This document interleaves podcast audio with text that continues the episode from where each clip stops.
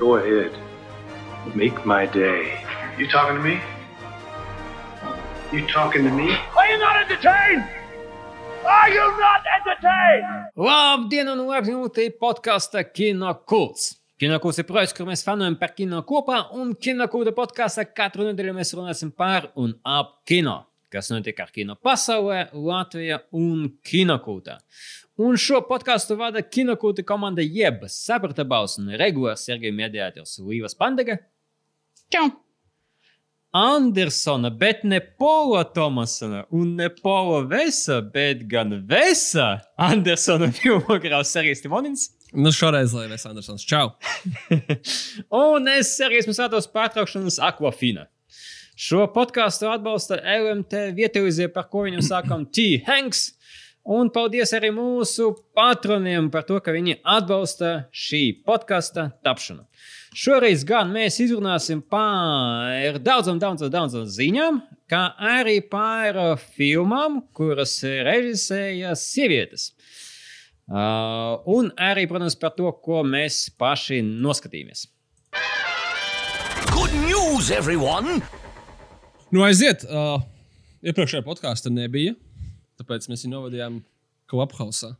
Bet tur arī bija visas interesantākās ziņas. Un uh, uz šo reizi mums palika kaut kāda kā, atlikuma no kopš šā laika. Bet uh, man šķiet, ka vien, viena no pozitīvākajām ziņām, ja mēs tā varam pateikt, jo mums uh, Latvijā tas, man liekas, tā īsti neliekas, un laikam varbūt arī nedraud tuvākajā laikā, bet pasaulē tomēr kinoteātri sāk atvērties. Kaut kas notiek. Es no rīta lasīju, ka Kalifornijā plāno no aprīļa sākuma atvērt vaļā jau. Un, uh, un uh, arī citur, no Igaunijā aizvērās kinoteātris tieši, ja kāds nezina, pirms nedēļas viņiem visu laiku bija vaļā. Ot tā. Mums nebija. Uh, un, uh, kas ir interesanti, tad uh, Ķīna ir paredzami kļuvusi par pasaules kaut kādu pelnītā, pelnošāko kinoteātru valsti. Ja tur viss ir nosacīti kārtībā. Man liekas ļoti interesanti, ka Ķīnā ir divas filmas, kuras pēc šī un pagājušā gada rezultātiem ir kļuvušas par kaut kādām visu laiku pelnošākajām filmām Ķīnā. Ever, mm. Tur bija kaut kāds vienreiz, nesen bija weekends, kurā viena filma Ķīnā nopelnīja 396 miljonus dolāru par weekendu. What the actual fuck is that? Tas ir nu, visu mm. laiku rekords. Nu, lūk, un, uh... Nē, nu skaidrs, ka, ja mēs skatāmies konkrēti uz Ķīnu, tad pirmkārt cilvēki ir izbadējušies pēc kino. Viņi iet uz kinoteātri, bet otrkārt, ka viņiem vienkārši nav konkurences, jo nekas cits neiznāk. Un neiznāk jau arī īstenībā Hovuds filmas, tāpēc, ka kaut ko viņi tur cenšas. Nu, jā, nu tā, tā konkurence. Pat ar visu viņu uh, kvotām, bet konkurences nav, tad visi iet uz, uz vietēju kino. Tas nopelna 400 miljonus. Nu, un uh, Džeims Kamerons to paskatījās un padomāja tā, ka man rīktīgi nepatīk, ka Avengers Endgame ir visu laiku pelnošākā filma. Un uh, tāpēc mums gaida Avatāra Release Ķīnas kinoteātros, kur uh, Džeimsa Kamerona filmā jānopelna tikai 7,4 miljoni lai viņi kļūtu par visu laiku pelnošāko filmu kino vēsturē, kumulatīvi. Ko noteikti viņi arī izdarīs. Es domāju, es padomāju, ka es sapratu, noskatīties arī avatāru vēl arī kinoteātros. Kaut ko tur uzķūnēs, mazliet 4K pieliek. Līva. Kas notika? Nē, es, Hard no. Jā, es negribu skatīties avatāru vēlreiz. Pak, tā nepietika. Pat ja būs 3D. Viņš ir ok.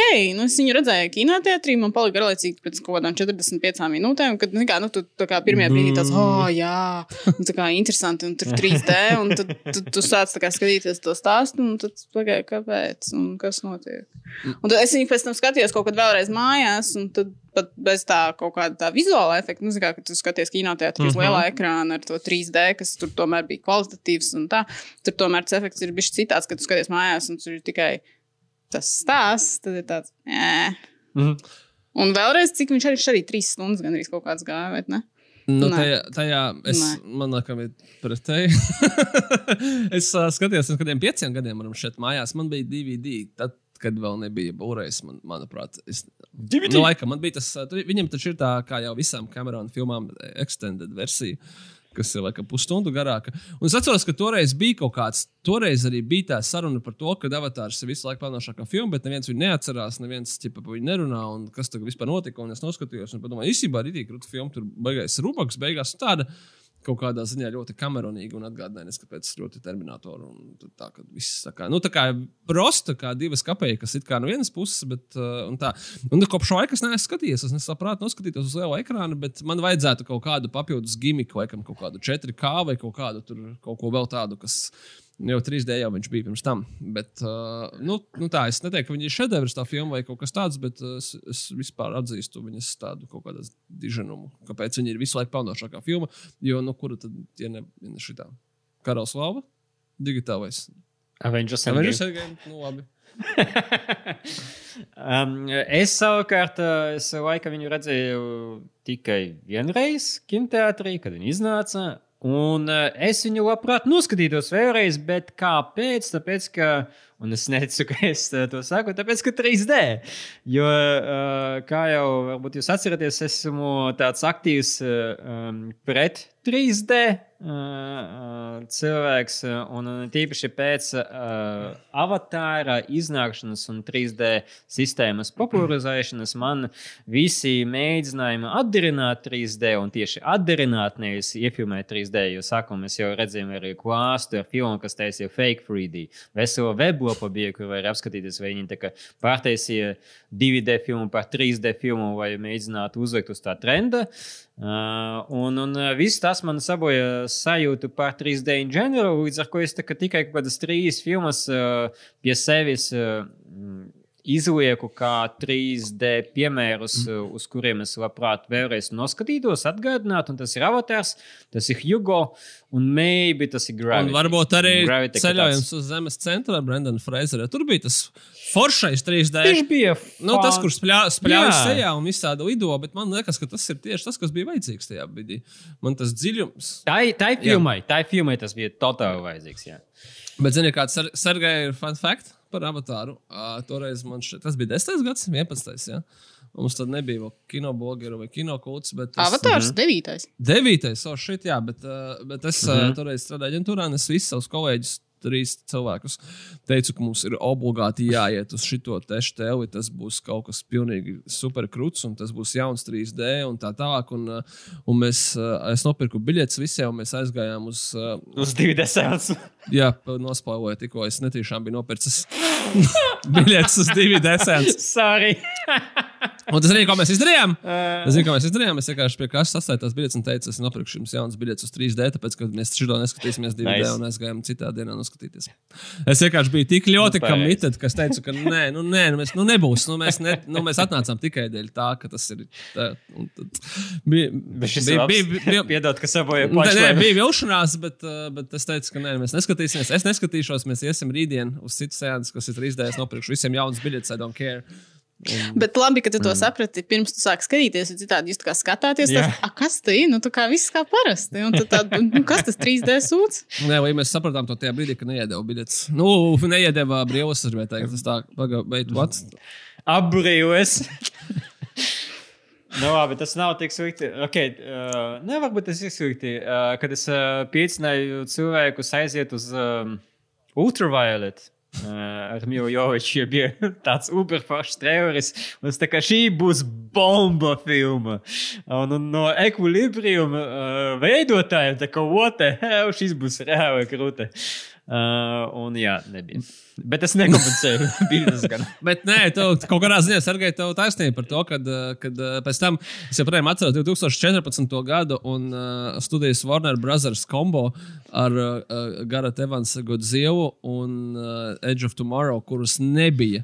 DVD seansos, un es ļoti labi atceros, ka šīs filmas tajā pretīgajā 3D. Es vienkārši, nu, es, ne, nu, es, es, mm. es esmu to filmu redzējis, bet es nezinu, kas tur īsti notika līdz galam. Man nācās pēc tam mājās skatīties, tāpēc, ka es būtu labprāt skatījies 2D, bet viņi vienkārši teica, ka mums nebūs 2D seanss ar šīm filmām, un tas bija ļoti pist par to. Tāpēc, ka viņš bija tas tumšais 3D un pretīgais, un vispār viss bija slikti. Nu, ot, Hugo. Hugo ir tā filma. Un, uh, mēs minam Hugo Martinas Karsesi filmu, kas uh, 12. gadā bija plānota iznākšanai, tad neiznāca Latvijā. Un beigu, beigās bija tikai viens sēns pirms Oskaru nakts. Un, un ļoti labi, ka tomēr izdevās redzēt uh, Skarsesi veidojumu tieši 3D, jo viņš spēlējas ar to formātu un taisīja visus savus kadrējumus, ņemot vērā, ka uh, filma būs 3D. Līdz ar to tas arī darbojas. Starp, Labi. Nē, nē, bet. Jā, jā, jā, sta- Kamēr nav 2, un 3 un 4. Starp citu, man liekas, ka šis ir anyway, aizgājām off-topikā par sev sāpīgām tēmām. Uh, man liekas, ka uh, tur ir kaut kādā ziņā. Tas ir interesanti, jo skaties, uh, Hugo Latvijā ir rādīts, manuprāt, precīzi vienā seansā, tajā, kas bija tie Oskara naktī, kur mēs mm -hmm. esam arī skatījušies. Uh, viņu var noskatīties mājās, 2D.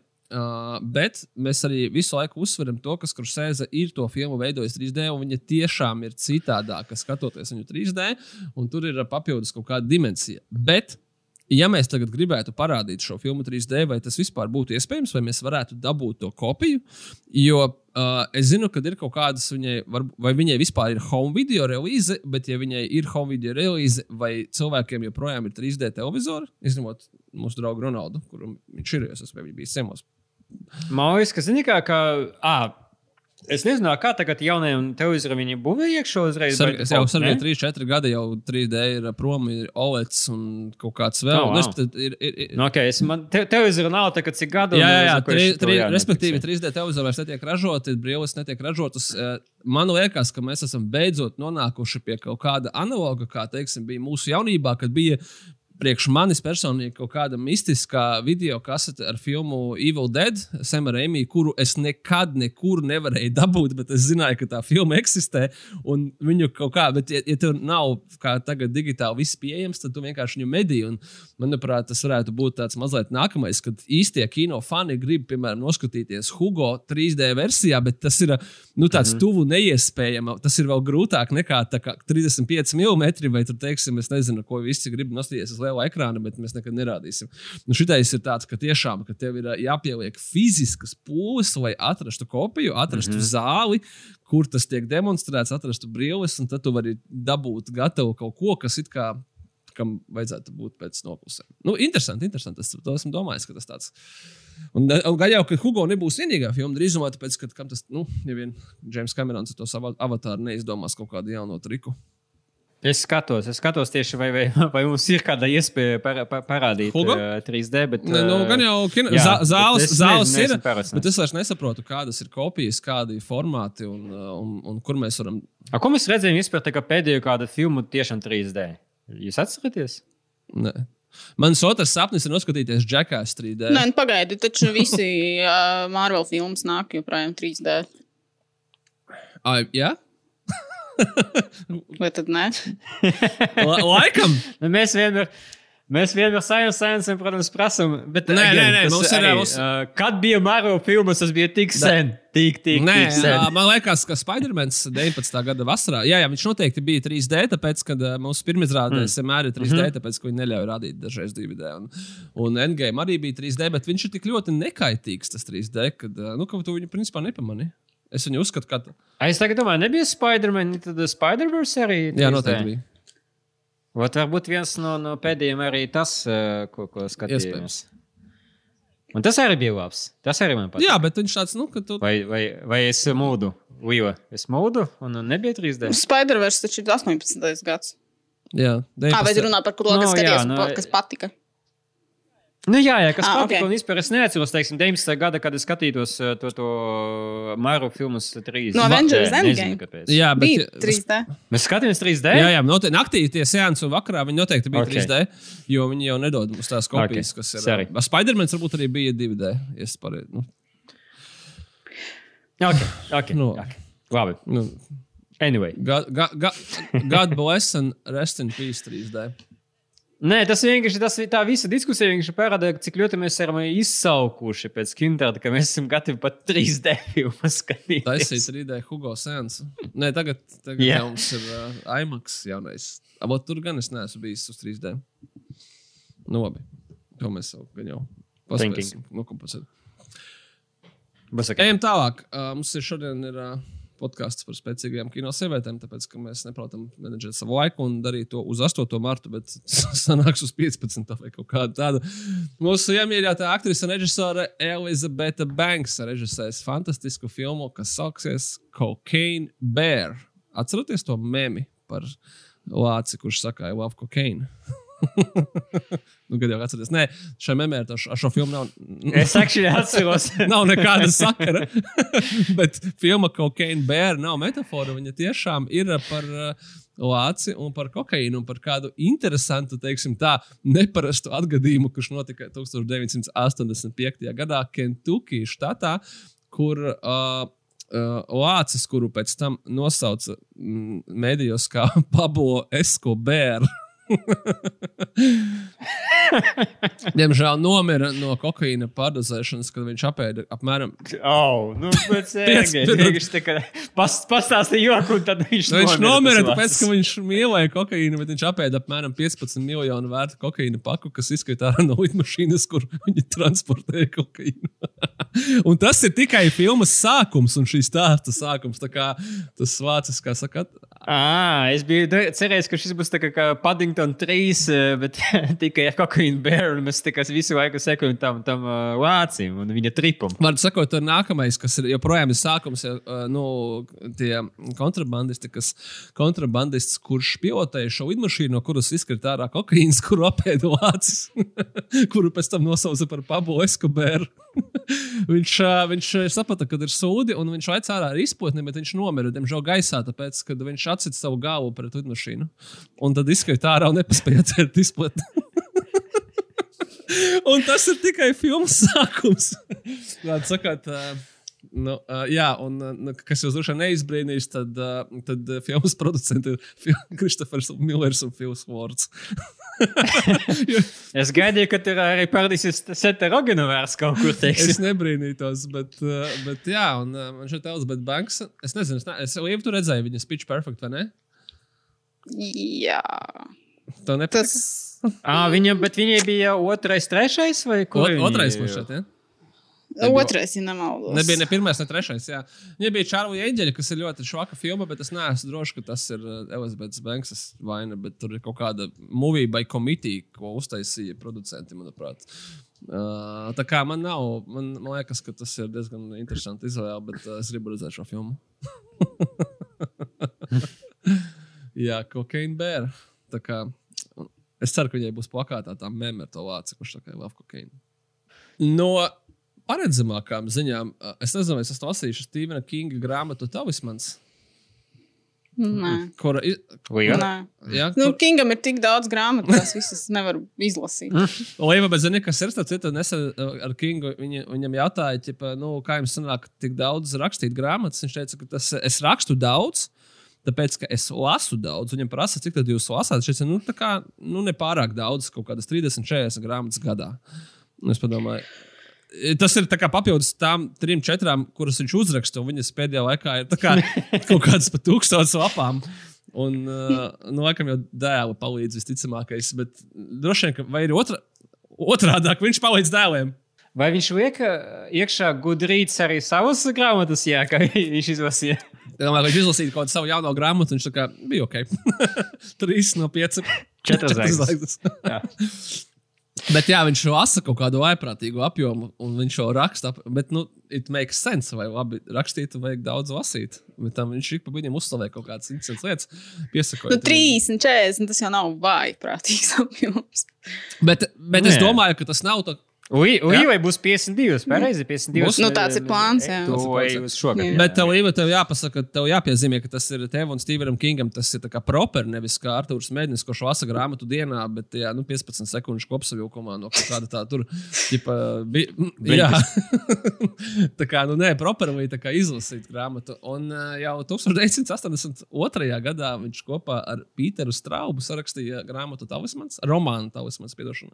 Lai mēs tagad nenoniecinātu Talismanu, kas īstenībā ir priekš Kinga diezgan, nu, Lai gan nē, es nevaru teikt, nestandarta grāmatu, jo mēs pazīstam Kingu kā šausmu autoru, bet viņam šeit vairāk kā puse grāmatas vispār nav nekādā ziņā saistīts ar šausmām. Un šī ir fantasy grāmata, tās pēc tam teenage fantasy, ja tā var pateikt. Un atšķirībā no jums.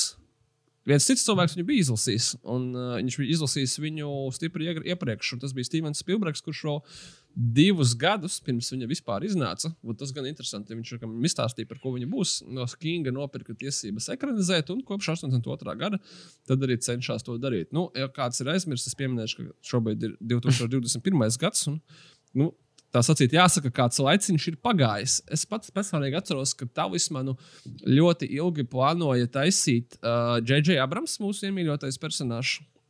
Tad uh, tāds cilvēks kā Džošs Būns, ja nemaldos, kurš ir plānojis, manuprāt, visas uh, Stevena Kinga grāmatas ekranizēt kaut kādā brīdī. Un tagad viņš laikam ir ekranizējis to seriālu un nekad vairs neekranizēs nevienu citu. Ja kāds nezina, par ko es runāju, tad seriāls saucās. Uh, nu, kā viņš saucās? Seriāls, seriāls saucās The Stand.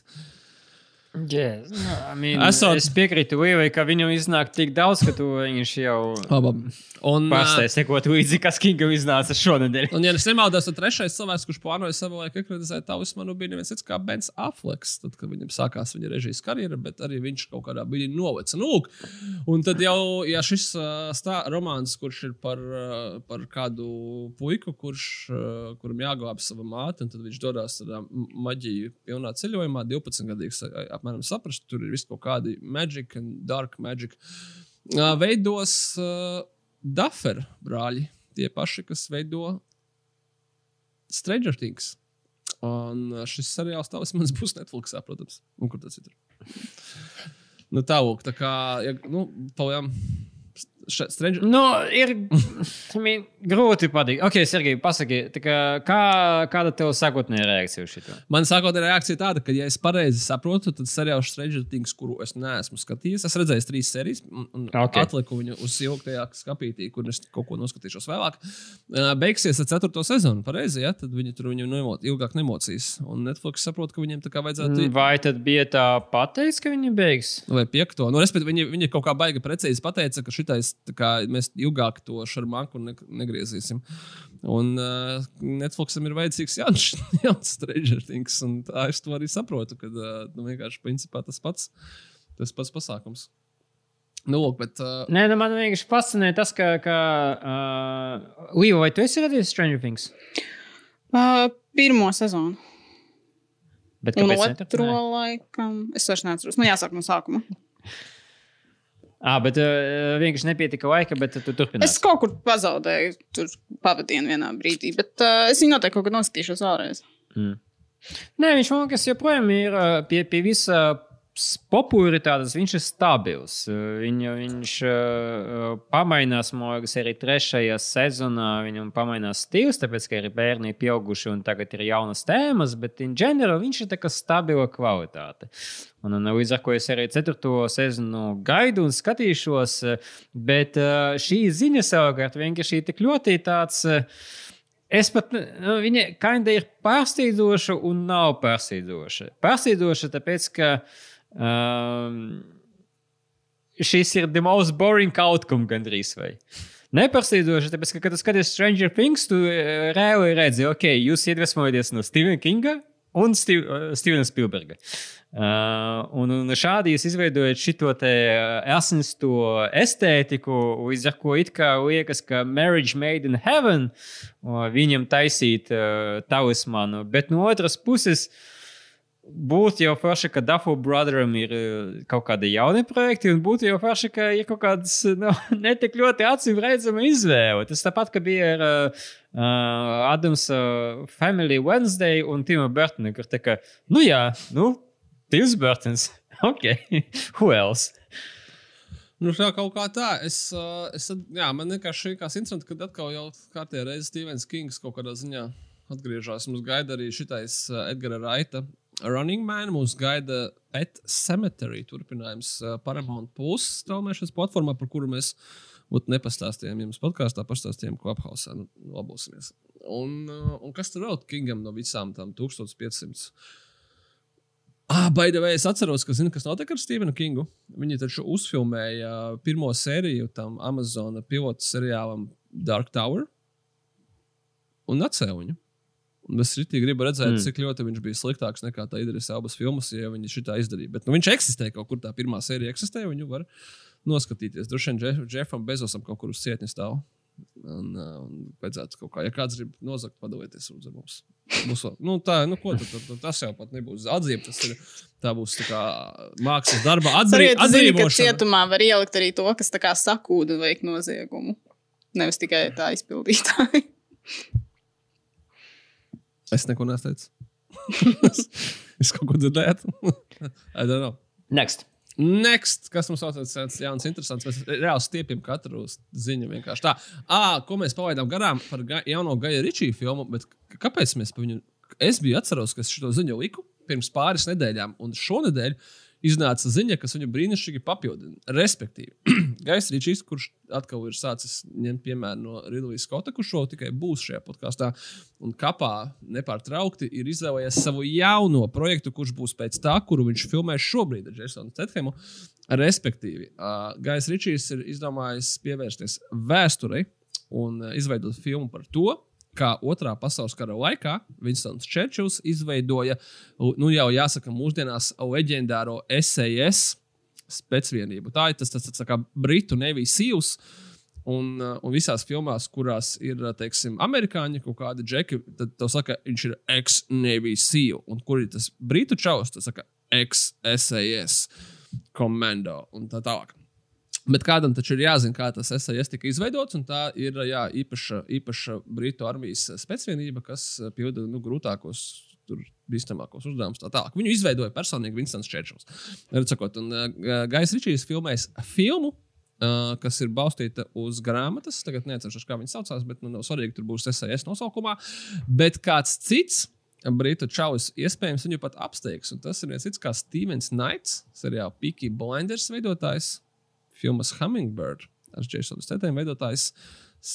Filmas Eastern Promises scenārists un vispār daudz filmu. Viņš man šeit, Stevens Knights, ir tik ļoti aktivizējies pēdējā laikā, cik vispār var būt.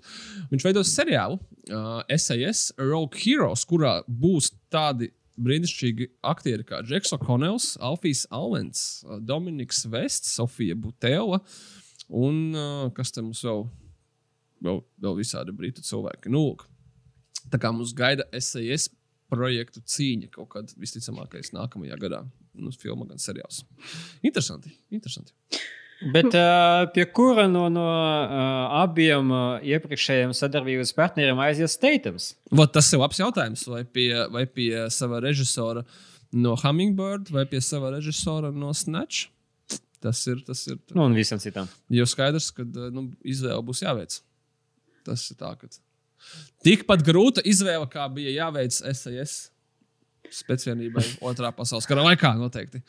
Nu. Man patīk, ka tad, kad uzskaitīji Stevena Naita darbus, tu nepieminēji viņa meistardarbu Serenity 2019. gada. Nu, es negribēju biedēt cilvēkus. Es varēju pieminēt Loku, vēl filmu ar Tomu Hārdiju. Ļoti izdevīgi apgāja. Diemžēl arī ar visām pēdējām ziņām par Josu Vidnu, lūdzu, googliet arī filmu, ot, citu filmu Serenity vairs nav versijas tā pieminēta. Jā, Sergei, kā mēs ar to tiksim galā? Uh, Es nezinu. Sirsniņa sāp. Ja tur jau tas Bet, uh, ga- viss jau ir uh, tās apsūdzības, jau nav tā kā par vakardienu, bet par kaut kādu 20 gadu vecu pagātni, kas nozīmē, ka viņš ir bijis krāns. Jau. Nē, nu, eh, 20 gadus. Avengers arī nevarēs Anyways. paskatīties jau vairs. Nu, jā. Atdalīsim, atdalīsim, mēģināsim atdalīt uh, no, no autora no mākslas. Es, Tas, uh, ok, tas es gribēju apspriest, tie ir interesanti pēc, ko viņš ir vēl Stevens Knights ir sarakstījis un, un režisējis pēdējā laikā. un Viņš kaut kāds, kaut kas viņam ir noticis, ka viņam ir, viņam ir bijusi taču pareizi scenārijs uh, meitenei zirnekļa tīklā, šitā Stīga Varsona, jau minētais Serenity. Uh, tabū kopā ar Tomu Hārdiju viņš, viņš izveidoja uh, filmu. Mm. Roberta Zemekisa filmai Elaida ar Bredu Pitu, Marionu Koķijāru uzrakstīja scenāriju. Uzrakstīja scenāriju uh, Bredlija Kupera pavāra drāmai Burnt, uh, kas viņam tad, tad vēl tagad ir. uh, Peaky Blinders, protams, viņš tagad apskatās, ah, viņš izveidoja, viņš ir tas cilvēks, kurš ir vainīgs pie Apple seriāla ar Jasonu Momoa C. Viņš ir showrunners tur. Ka, pa kuru laiku, ah, un pat tas Kristmas Karo šausmu filmas variants ar Gaju Pīrsu, tas arī ir ne viņa. Šobrīd viņš filmē, ak, Dievs, viņš ir filmējis, sarakstījis arī to HBO Max filmu par pandēmiju, Locked Down. Šobrīd viņš filmē filmu Spencer ar Kristīnu Stjorti galvenajā lomā par uh, princesi Diānu. Tas ir viņa režijas darbs. Fui, nē, nē, Mm, piedošana. mhm, Nē, nē, atvainojiet, nē, nē, režija ir savu Pablo Reins. Uh, viņu sarakstījis Stevens Knights. Kas viņam ir kaut kāda komanda, kas raksta? Viens cilvēks nevar sarakstīt visas šīs filmas.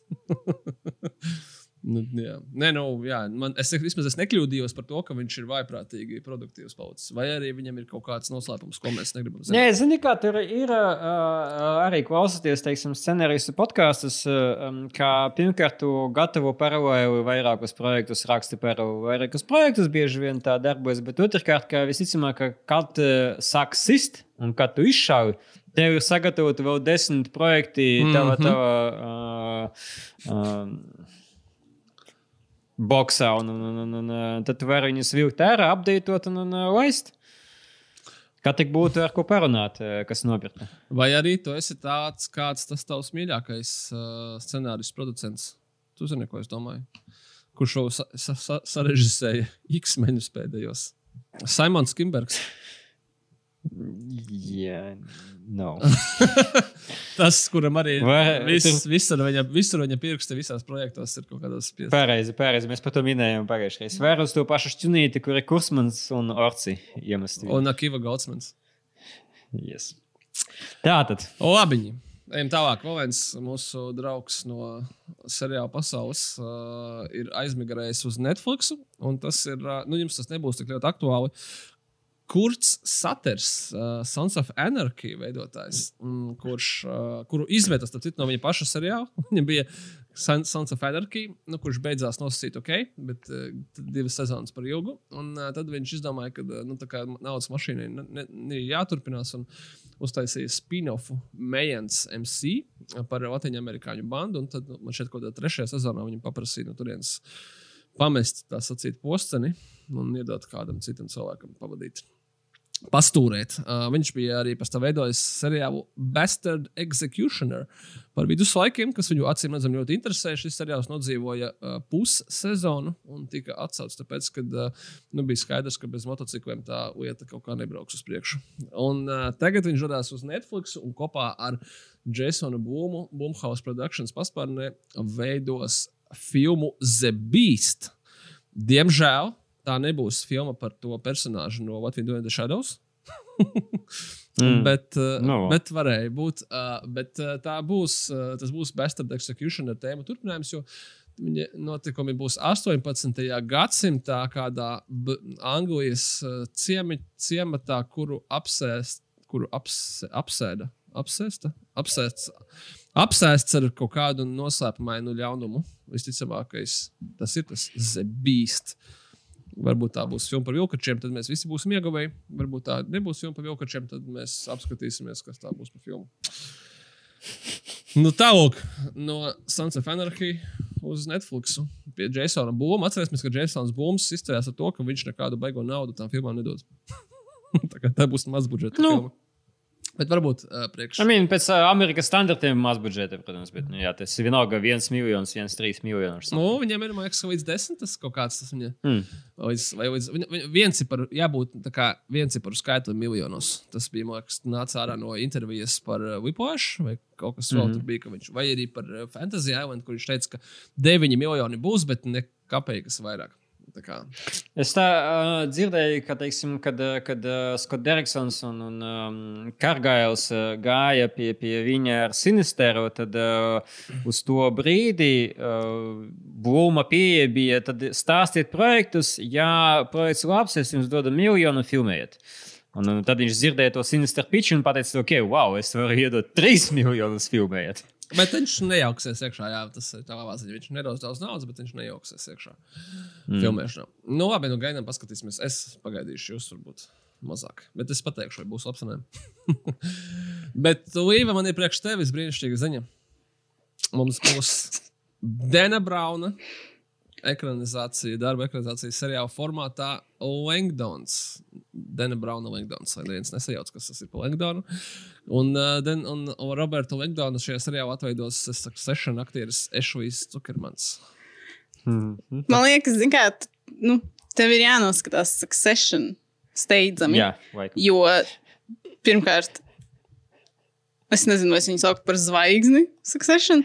Un otrkārt, viņš ir tā kā sliktākais personāžs visās, visā šajā seriālā. Neits ir the worst. Tāpēc, uh, Tad tu varēsi Tāpēc- iepazīt viņu no citas puses, varbūt. Uh. Man vajadzēja, kad es, es, kad es izlasīju sākuma vārdu, un pat tad, kad es apskatīju sākuma bildi, uh, tīzera bildi, laikam, kas domā, te Langon series, man vajadzēja tā kā brīdī saprast, kur viņš bija Succession. Nu, tas nav, Bra- tas nav Brians Koks. Ok, ok, fine. Jā. fine.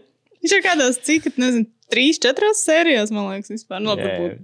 Nu, kaut kā nē, īstenībā varētu būt kādās četrās.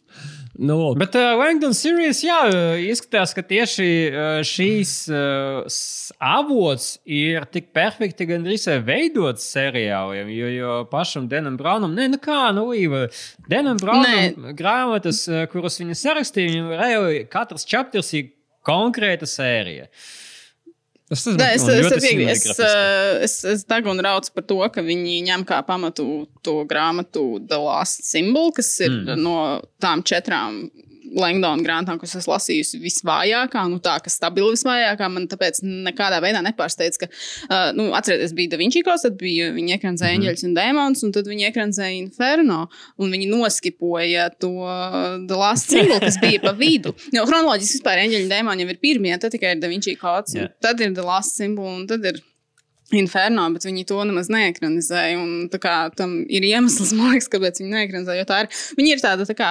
sliktāka nacionālajie dārgumi. Un tā kā, nu, kāpēc lai skatītos to, ja es varu nosīties nacionālos dārgumus ar Niklaus Keidžu?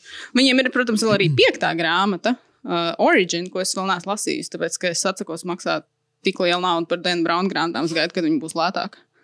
Bet, uh, Uz atlaidēm pa vienu eiro kopā ar Kaviču grāmatu. Viena no vairākām.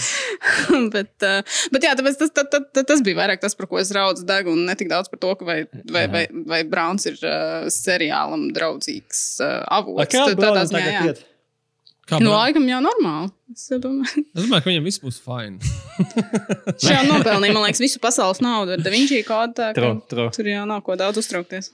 Mēs tieši nesen runājām par citā kompānijā, par tā kā, tādiem cilvēkiem kā Džonijs Deps un Nikolas Keidžs, kas ir krituši varbūt finansiālās grūtībās, bet mēs nonācām pie tā, ka, lai cik grūti viņiem neietu, viņiem visticamāk ir daudz labāk nekā mums jebkad iesenī sojas. Tā kā vienmēr tagad mazliet ironiski izturos par to, kā viņiem tur iet. Nu, gan jau, gan jau, gan jau kaut viss būs. Nē, es vienkārši zinu, ka, vienu, brīdi viņš, vienu brīdi viņš bija ļoti, ļoti um, in the news. Uh, un iznāca tās uh, uh, rekordus pārsita šī grāmata, un, ja, un rakstīs šo grāmatu, un tā tā tālāk. Uh, bet te kaut kā pēdējā laikā es par viņu baigi daudz neesmu dzirdējis. Nu, tas tā. Ok.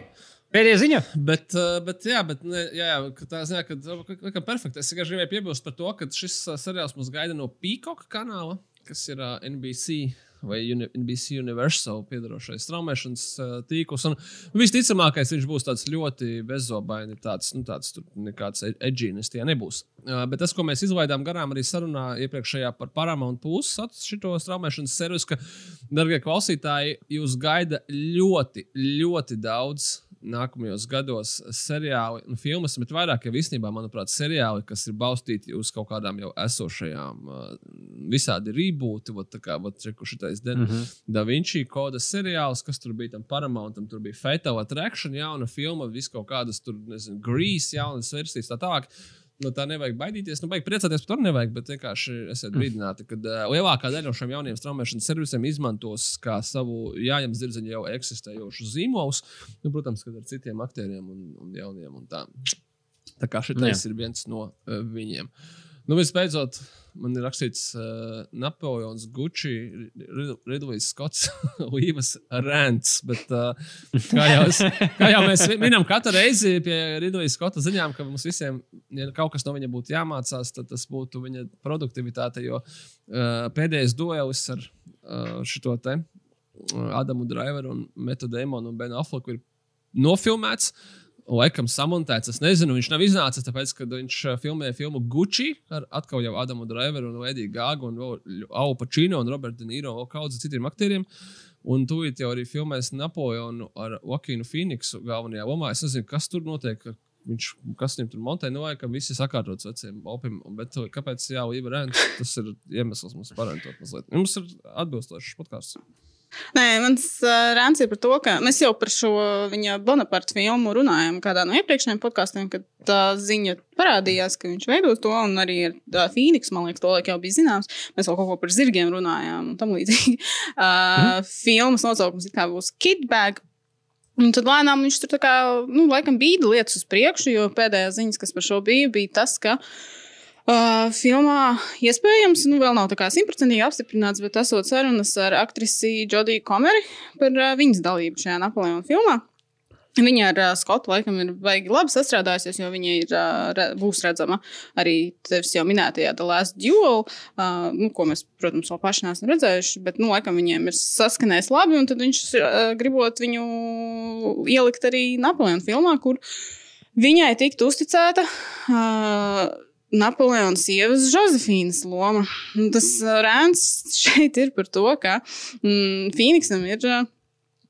Cik tagad? 44 vai 45 gadi. Nu, kaut kas tāds - 40, 46 gadi. Es atvainojos, viņam pat ir 46. Komerei ir 27 gadi. Sāksim ar to, ka nu, tur jau pirmkārt ir 19 gadu starpība pati par sevi. Bet, nu, Holivudā tā visu laiku ir. To pat varētu, nu, tā kā Ok, jā, esam pieraduši tā redzēt, lai nu tā būtu. Bet tā problēma par to, kas man ļoti sarūktināja, un es esmu ļoti vīlusies Rīdlijā, ir tā, ka realitātē Napoleonam bija 27 gadi, kad viņš apprecēja Josefīnu, un viņai bija 33. Viņa ir 6 gadus vecāka par viņu. Savukārt, filmā Rīdlijs mums grib piedāvāt 46 gadus veco Fīniksu un 27 gadus veco Josefīnu, kas ir, nu, tā kā ļoti slikti. Lai neteiktu, no, vairāk. Aģigarni. Nu, Aģigarni. ļoti bēdīgi. Jo, var, nu, tā kā es nezinu, viņam tiešām bija grūti atrast kādu. Mums taču ir tik daudz brīnišķīgu aktrišu, kuras būtu atbilstošā vecumā, un kuras varētu nu, nospēlēt fantastiskas Josefīnas. Un es neesmu tā kā ne, baigais šausmīgais Napoleona eksperts. Es tomēr pieņemu, ka tur kaut kāda dinamika attiecībās arī nedaudz mainās. Vai nu tev ir 19 gadus jaunāks sieva, vai tomēr 6 gadus vecāks, ja ceļš vēl tajā laikā, cik es tur palasīju, tagad, kad tur arī bija tas, ka viņa ir vecāka bijusi par Napoleonu. Problēma, ka viņiem ar to bija kaut kāda nu, sabiedrības nosodījums mm. un tam līdzīgi, kas šajā gadījumā absolūti pazūd. Nu, es nezinu, man tā kā baigi nosīt jau kādu interesi par šo projektu. Zini Šis kā, paziņojums tas- un tāds. Eh. Es, es, uh, es piekrītu tam, un tīpaši tādēļ, ka uh, īstais stāsts tieši ņēma vērā to, to starpību. Uh, un, un uh, izskatās, ka viņi aizies vai nu otrādi, vai nu neņems vērā. Bet uh, laikam, ja mēs uh, abstrahējamies no mm, starpības starp Phoenix vecumu un, un Komeras vecumu, Um, tad, uh, tad uh, Komera viņa ir 27 gadi, un viņa atveido uh, sievieti, kurai ir 33 gadi. It's fine. Nē, tas, tas ir, tā, ir- šits tas- ir ok. Un, Bet, kad tad mums ir Timotīs Šalamē fine, un tas, viņai ka mēs- pretī. Yes, Nevis ja tas, kas nav Phoenix. fine, un kas, ko mēs pateicām iepriekš, ka Phoenix kas stipri paveica tai lomai. Bet viņš ir tās Uh, jaunās. pirmkārt, Nu, labi. Mm, Nu- Nē, nu, nevairs. Viņš vairs neizstāsta Nu. arī tik jauns. Būsim godīgi. Nu, es, ne, es, ne, es nekādā veidā negribu apgalvot, viņš izstāsta slikti vai kaut kā, bet nu, viņš, piedodiet, neizskatās 20 gadīgs. Nu, tā kā 20 līdz 30. ā, Tajā posmā. Nu, labi, redzēsim, varbūt arī uh, skaidrs, ka, ka make-up un, un tā viss tas būs. Un, un, un uh, varbūt kaut kāda dzīves posmi arī pārklāsies, kur, teiksim, viņam būs heavy make-up uh, posma, kad viņš ir ar komeri. Un, un, un tā, bet, nu, labi, redzēsim. Uh, bet, uh, bet ziņa ir tāda, uh, sketči. Jā, zinu, kā Nu, nu, jā. pat ņemot vērā to, ka uh, mēs esam visticamākais, uh, ot- otrs liberālākais uh, latviešu podkāsts pēc visticamākās sieviešu stand-up vai kaut kā tā. Nu, pēc komentāriem spriežot, tā pat man ir jāatzīst, ka uh, es, es varu saprast to Ridley Skotta loģiku, ka viņam patīk tā aktrise un punkts. Bet tur ir kaut kāds, zini, kas tur ir kaut kāds, ir kaut kāds palaists garām, kaut kāds radošais moments. Ka, ne- nu, tā tieši tas, ko tu minēji, kad, nu, kad viņa bija vecāka un tā ir maina dinamika. Un, un kāpēc, teiksim, kur palika viņa draudzība ar Keitu Blanšetu pēc Robina Huda vai kas tur notika? Nu, tā kā tu varēji paņemt kaut kādus, jā, nu, tas, kad, tas, True, true. tas, kad man liekas, ka tas būtu tieši incidentā, ka Napoleons bija tāds. Nu, Napoleons būtībā ir īpašs vārds, vai ne? nevis, nevis jau tagad cilvēka vārds. Un, un viņa būtībā, bet viņam vecāka sieviete patīk kaut, kaut kā tā. Nu, tas ir.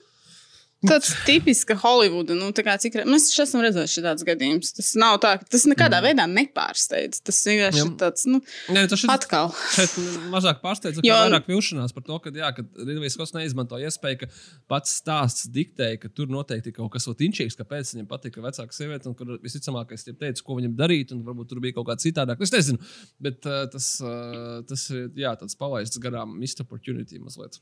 Nu, skaidrs, ka nu, laba aktrise un viss tur kā par to visu fajn. Nu, tas nav nekas tieši konkrēti pret komerci, kā, Jā. kā, kā, jā, kā aktris vai kaut ko vienkārši. Nu, ka, kāpēc? Cik var? Nu, jā. Nu, labi, nu. Par šo šīs beigās nostādu arī nos... Ah, nē, zinu, ko es atceros. Līva. Man ir divas ziņas. Viena man ir priekš abiem diviem, kad uh, tajās nu, netīrajā interneta daļā. Kino Dark webā saka, ka uh, Fantastic Beasts beigsies ar trešo daļu.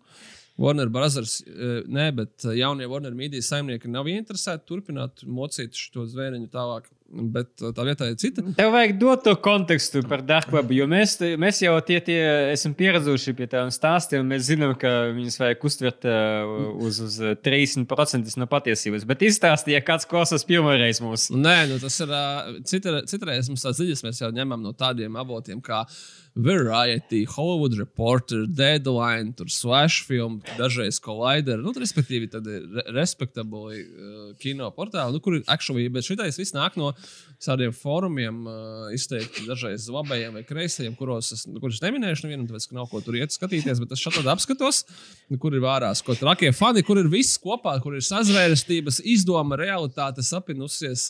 Tr- Tra Trumps, citplanētieši, Clintoni, kas sūdz asins no maziem bērniem, un ziņa par to, ka uh, Warner Media uh, negrib turpināt uh, fan. Fantastic Beasts, jo nu, nav ko tur mocīties. Tagad trešo pabeigs, un jau tādu naudu zaudēs. Uh, bet ir cita brīnišķīga grāmata, kuru paturpināt, un tas ir uh, Harijs Poters un kā sauc tā teātra izrāde. Cursed Child. Cursed Child. Un uh, vajadzētu dabūt atpakaļ arī visus uh, aktierus. Un vienīgais, ar ko viņi redz grūtību, ir esot Emma Watsona, kuru laikam vispār negrib filmēties. Tagad kaut kas viņai tur bija tāds skrobels, ka viņa teica, ka viņa apriebās visa šī tusovka un kaut ko dzīvē jādara parātīgu. Bet nu, pārējiem it kā nesot problēmas ar Redcliffe un ar Weasley. Tā kā tā, nu, nu, es, es, es to paredzēju tajā brīdī, kad anoncēju to grāmatu, ka tā filma būs agrāk nekā vēlāk. Bet, uh, mm -hmm. bet man tas liekas ļoti no komerces. Nu, skaidrs, ka tas fantastisks beigts nebūs uh, Harijs Poters nekad vairs. Tur, tur nu, skatītāja interese ir stipri mazāka. Un, uh, Un tā, uh, tā kā varbūt Cursed Child būs kā nākamā filma, un rekur arī kā reiz izauguši arī aktieri, vai at, at, at, atveidot uz savas lomas, es domāju, oriģinālās, uh, oriģinālā cikla aktieri. Nu, paskatīsimies, vai tas ir realitāte vai nē. Ziniet, kas tur vēl ir? Henrijs Kevils būs Wolverines Marvelam tagad. Jo viņš tā kā vairs nebūs Supermans. tas, eh, tas vēlreiz atkal parādot, cik ļoti vajag uzticēties tam fantastiskam bijis beigsies ap trešo daļu ziņai. Jā, jo oficiālā ziņa bija zini, kāda, kad uh, visas piecas daļas filmēs Davids Yates, un tas taču nāca no Davida Yatesa šonadēļ, nevis pirms pirmās daļas. Kas jau tika paziņots. Vai nē, vai ah, nē, es atceros, ka Katrīna Vatrasāna teica, ka, nezinu, kādā sakarā, kad viņa prasīja, kurš tad filmēs 4. un 5. daļu, viņa teica, ka, nu, laikam jau, ka Yates, ja tāds jau tas plāns jau bija oriģināli un tā. Nu, ja vispār filmēs, protams. Un tā. Nu, lūk. nē, nē, par Kevelu jau baumas ļoti ilgi ir par to Marvel. Un, un tad viņam ir Captain Britain, kas ir kā variants. Un, uh, tam īstenībā bija kaut kāda. Viņam ir viens tas pats aģents, kas uh, viņam un uh, Dvainam Johnsonam, kas ir bijusi Dvaina Johnsona sieva, kas dzīvo kopā ar viņu, bet ar savu jauno vīru un viņa jauno sievu vienā māju kompleksā. Vienkārši kontekstam. Un uh, viņai ir aģe- viņai, viņai, viņai ir. Ziniet, nu, es domāju, ka tas nav gluži tā kā komunālajā dzīvoklī. Viņiem tur. Es domāju, ka viņi dzīvo lielākā mājā nekā mums ir atsevišķi mikrorajoni Rīgā. Tas nav tā, ka viņiem tur tā kā siena droši vien jādala. un tam. Jā, jā. Bet, nu, viņi tur visi ļoti draudzīgi. Bet viņai, viņai Danija Garcia ir klients arī Henrijs Kevils. Viņa vairākas reizes minējusi ar hashtag Marvel kaut ko, ko viņa nedrīkst mm. izpaust. Bet, uh, bet zin, kā, tas ir apmēram tas pats, kas uh, arī Keanu Reeves, kuram bija jāatveido Doctor Strange un Moon Knights un tā tālāk. Nu, ka, kamēr tas nav oficiāli, tikmēr tas paliek tajā formā kaut kur starp uh, Trumpa atgriešanos un to, kad uh, Wizardi tūlīt celsies un ņems pasauli. Bet palasīt interesanti.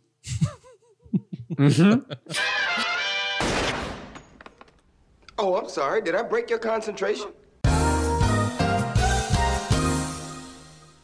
Pavisam īsi mums ir dažādi plagi. Jeb mēs tagad pēc ziņām uh, pastāstīsim uh, īsumā, kas uh, mums taps. yes, plagi indeed. Uh, Vis kaut kādi. Uh, sāksim, sāksim ar to, ka pagaidīsim, kad Uju pastāstīs smieties. Uju, nu, tev prāts visu laiku nesas uz kaut kādām rūpībām. Nē, tas ir pirms tam es nes, nē, nē, nē, pirms tam es smējos vienkārši par to, ka tu pateici, tā kā ķersies klāt pie tiem, un cerēs tas, tā kā super dismissively, tā kā, jā, tu tur ķeries klāt, man viss ir savu, nu, tā kā tas bija, bet tas es nesmējos vispār par kādām ķeršanām. Es tagad smējos par plagiem gan, sorry. So let's plug all the holes. Tātad, uh, uh, pirmkārt, sāksim ar Patreonu.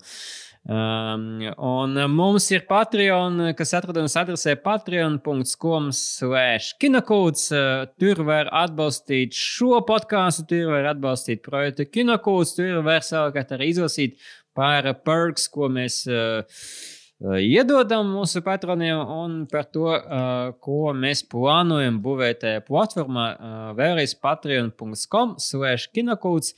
Kā arī pieminēsim, ka ir vērts tagad sākt skatīties visas jūsu ieviļotās Marvel filmas, jo 8. 18. aprīlī Sergejs eh, rīkos hostēs eh, kino Viktorīnu no Kinokūta par godu MCU, jeb Marvel Cinematic Universe. Līdz ar to ir vēl pat vairāk kā mēnesis, lai paspētu noskatīties visas divas, trīs filmas. Mēs tur nejautāsim pagaidām par uh, seriāliem no kanāla Disney, Plus, jo paši ļoti ilgi gaidām, kad tie savukārt legāli būs pieejami Latvijā, lai mēs varētu arī tos skatīties uh, ērti pieejami. Tāpēc uh, uh, skatāmies visas pirmās trīs fāzes no filmām. Un savukārt jāgaida, uh, kurus jautājumus mēs piņķerīgus varēsim jums uzdot. Nu, tie ir pavisam īsi uh, plugs, plugs, plugs, bet mūsu temats savukārt ir par sieviešu režisoriem, jeb par filmām, mūsu mīļākām filmām, kuras režisēja sievietes. Mēs savukārt, pieaugojoties, ja 8. martā mēs neiznācām tieši tajā datumā, bet mēs iznācām tuvākajai datumam uzreiz pēc tam un gribētu tā teikt. Highlightot tieši tas mūsu mīļākās filmas, uh, kuras sievietes ir veidojušas. Uh, līdz ar to arī ķersimies uh, kam? Pie kā pieķerties? Ķersimies pie piecinieka. Ķersimies pie piecinieka. Ja kāds nav uh, dzirdējis mūsu iepriekšējos podkāstus, mēs parasti tad uh, ejam pāri mūsu izveidotajā piecu, pieciniekā. Un parasti mēs arī šoreiz sāksim ar Līvu. Līva, kas tev ir piektajā vietā un kā tev vispār tapa šīs saraksts? Uh, es laikam pat nesaliku pa vietām. Man vienkārši ir piecas filmas. Nu, restīvi, tā pirmā vieta nav labāka par piekto, ko es nosaukšu. Un tam līdzīgi. Mm. -hmm. Jo es nevarēju izvēlēties savu. Uh, es nezinu, es vienkārši gāju cauri tam, ko es esmu redzējis, laikam, un skatījos, vai to ir režisējušas sievietes. Un, uh, un, un, un tā arī izvēlējos tās savas mīļākās filmas. Nekāda baigā, baigā filozofija citas tur vairs tā nebija. Es nezinu. Metodoloģija. Diezgan tā vienkārši piegāja šim jautājumam. Kā jūs?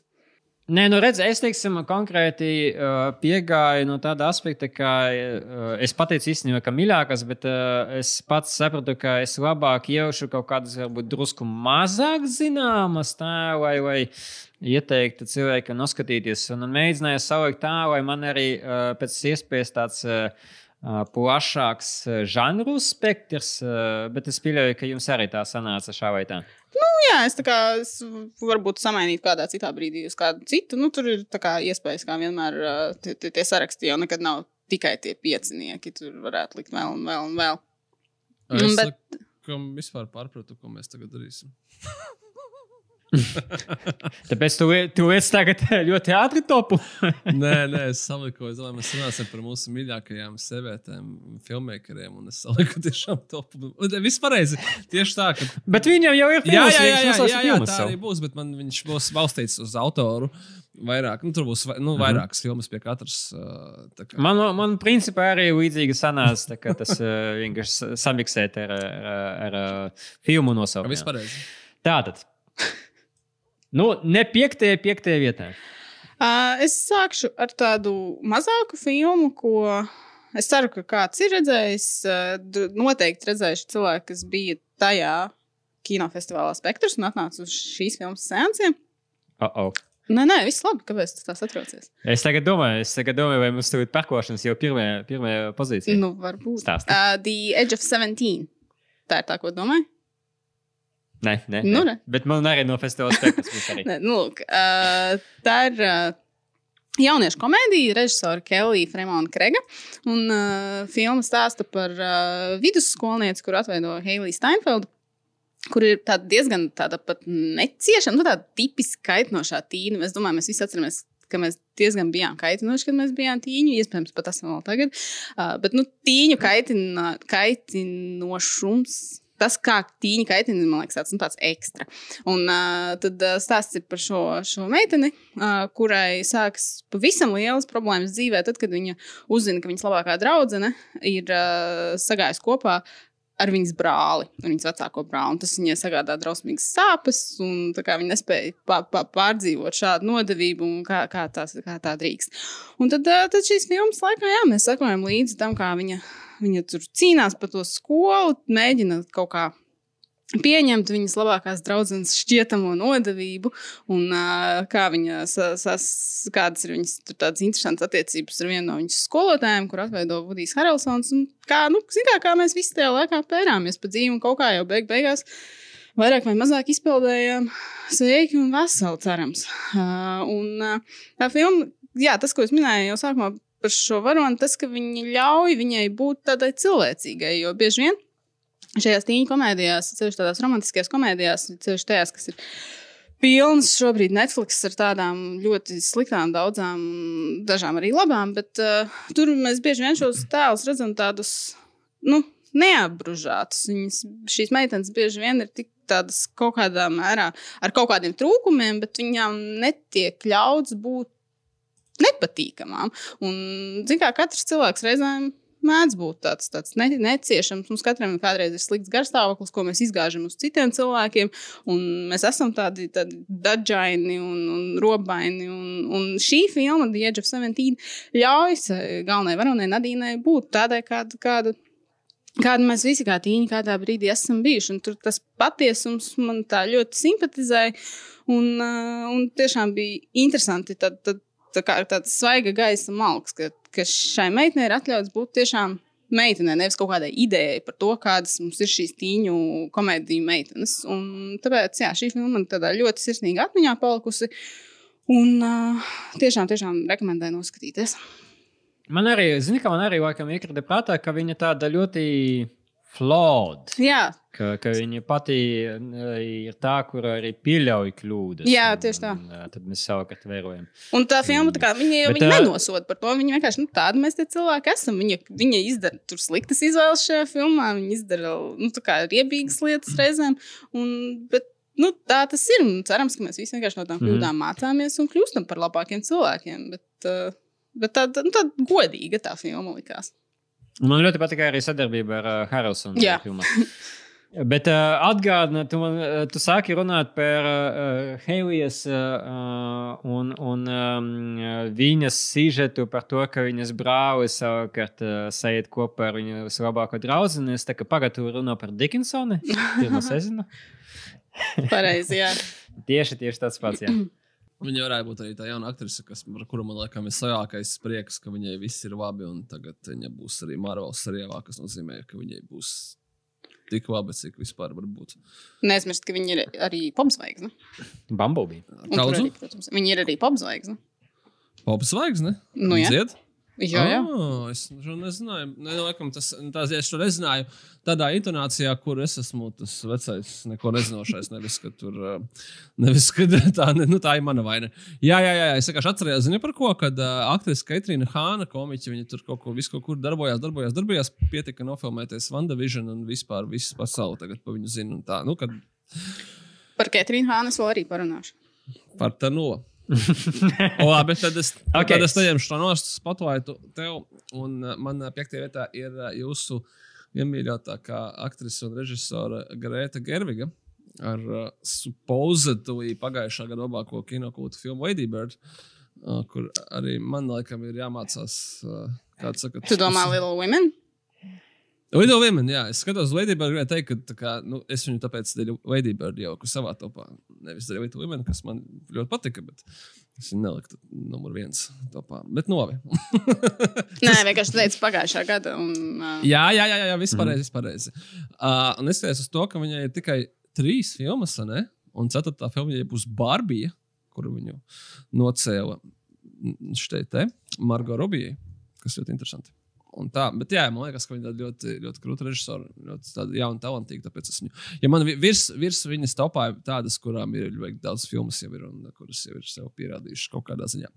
Tā kā tā, kā tā bet es ļoti gaidīšu arī jebkuru viņas jauno filmu. Viņai, es apskatījos savu filmogrāfiju, kas patiesībā viņai ir uh, kameras otrā pusē, ir rīktīgi, rīktīgi plaša. Pārsvarā gan saistīta ar uh, rakstīšanu tieši. Un, uh, kur viņi ir palīdzējuši visu kaut ko sarakstīt. Tā kā, tā kā krūta. Jūs redzējāt, viņas kaut kādu to seriālu? China, Illinois. Mm, mm, mm, mm, mm. Pies, Nē, pies, nē, pies, laikam 15. gada seriāls. O, jā, interesanti. Es teiktu, tā tikai tagad uzzināju. Nu, varbūt jums, kā faniem, varētu, varētu būt interesanti. Man piekta vieta savukārt uh, ir Booksmart. Uh, Ovis Vaildas debija arī Morgas pāris reizes pieminēta podkāstā, īpaši saistībā ar to, ka mēs uh, viņu radījām mūsu ASV neatkarīgo filmu festivālā.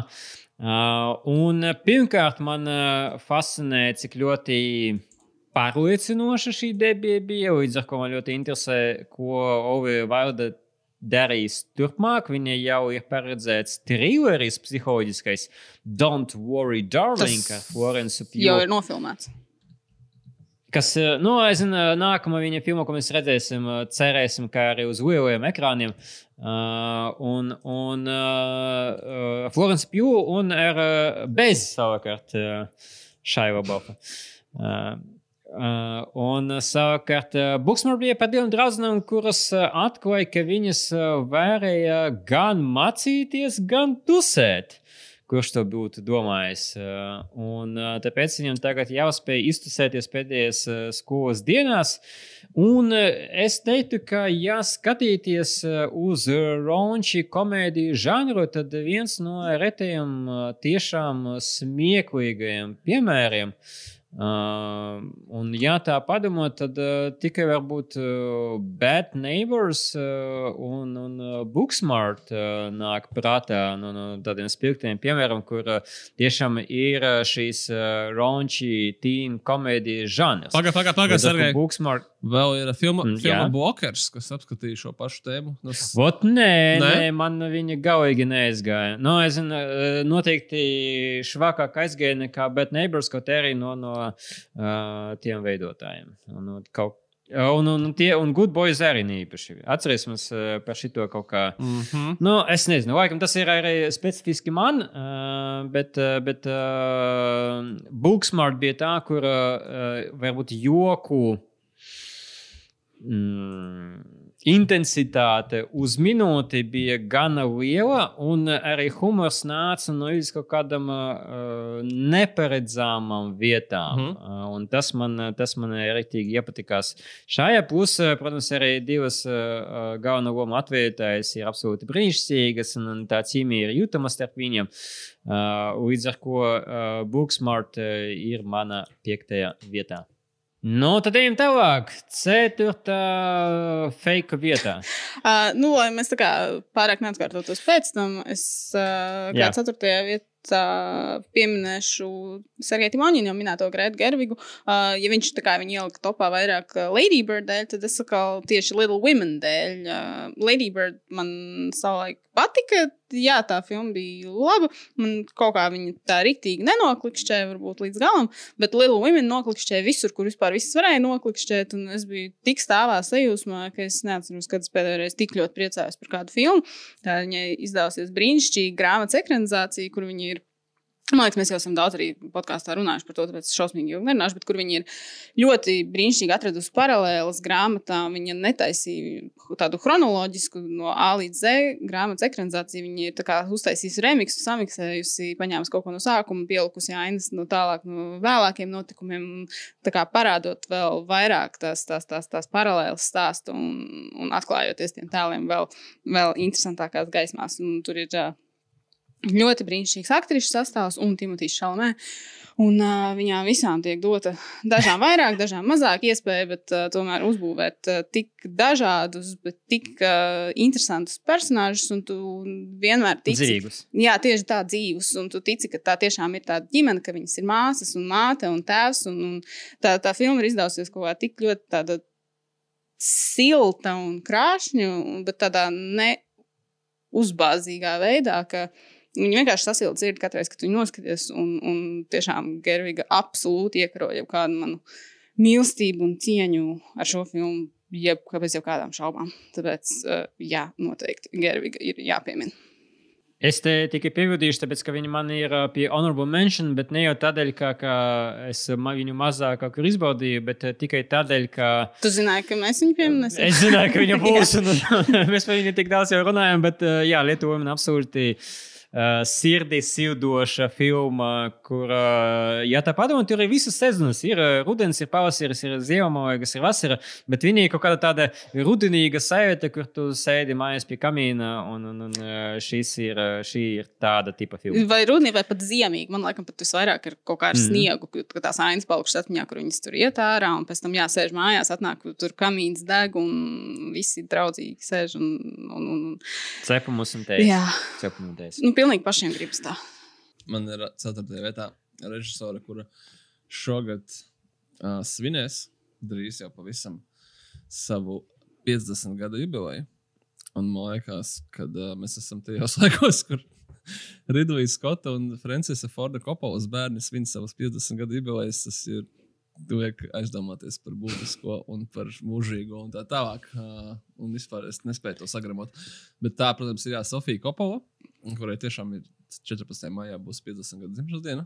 Un es kā ļu- grūti to sagramot, jo tā jau ir tā ja- jaunā režisora joprojām. Uh, un uh, ka viņi ir absolūti pelnījusi vietu mūsu topā ar uh, savām uh, brīnišķīgām filmām, bet droši vien, ka viņa paliks tomēr mūsu atmiņās. Es ceru, nevis kā pēc uh, The Godfather koda, bet pēc uh, Austin Translation vai Virgin Suicides. Vai. Īstenībā, kā es pamanīju pēdējos gados, ļoti daudziem un daudzām arī pēc Marijas Antonetes. Mhm, jā. man, ļoti, man ļoti patīk tā filma. Viņa ļoti, ļoti interesanta. Un atgādināja Romeo un Džoju vai kaut kādas bazas urmēna darbus. Uh, kādam pēc Somewhere, nu kādam arī pēc The Boeing Ring. Manuprāt, es atceros joprojām, ka tā bija Dītas Rietumas, laikam, mīļākā kāda filma vai kaut kā, kaut kā uz to pusi. Un uh, kas vēl viņai bija? On, Jā. on the Rocks. Uh, un The On the Rocks pēdējā. Ze Beguild.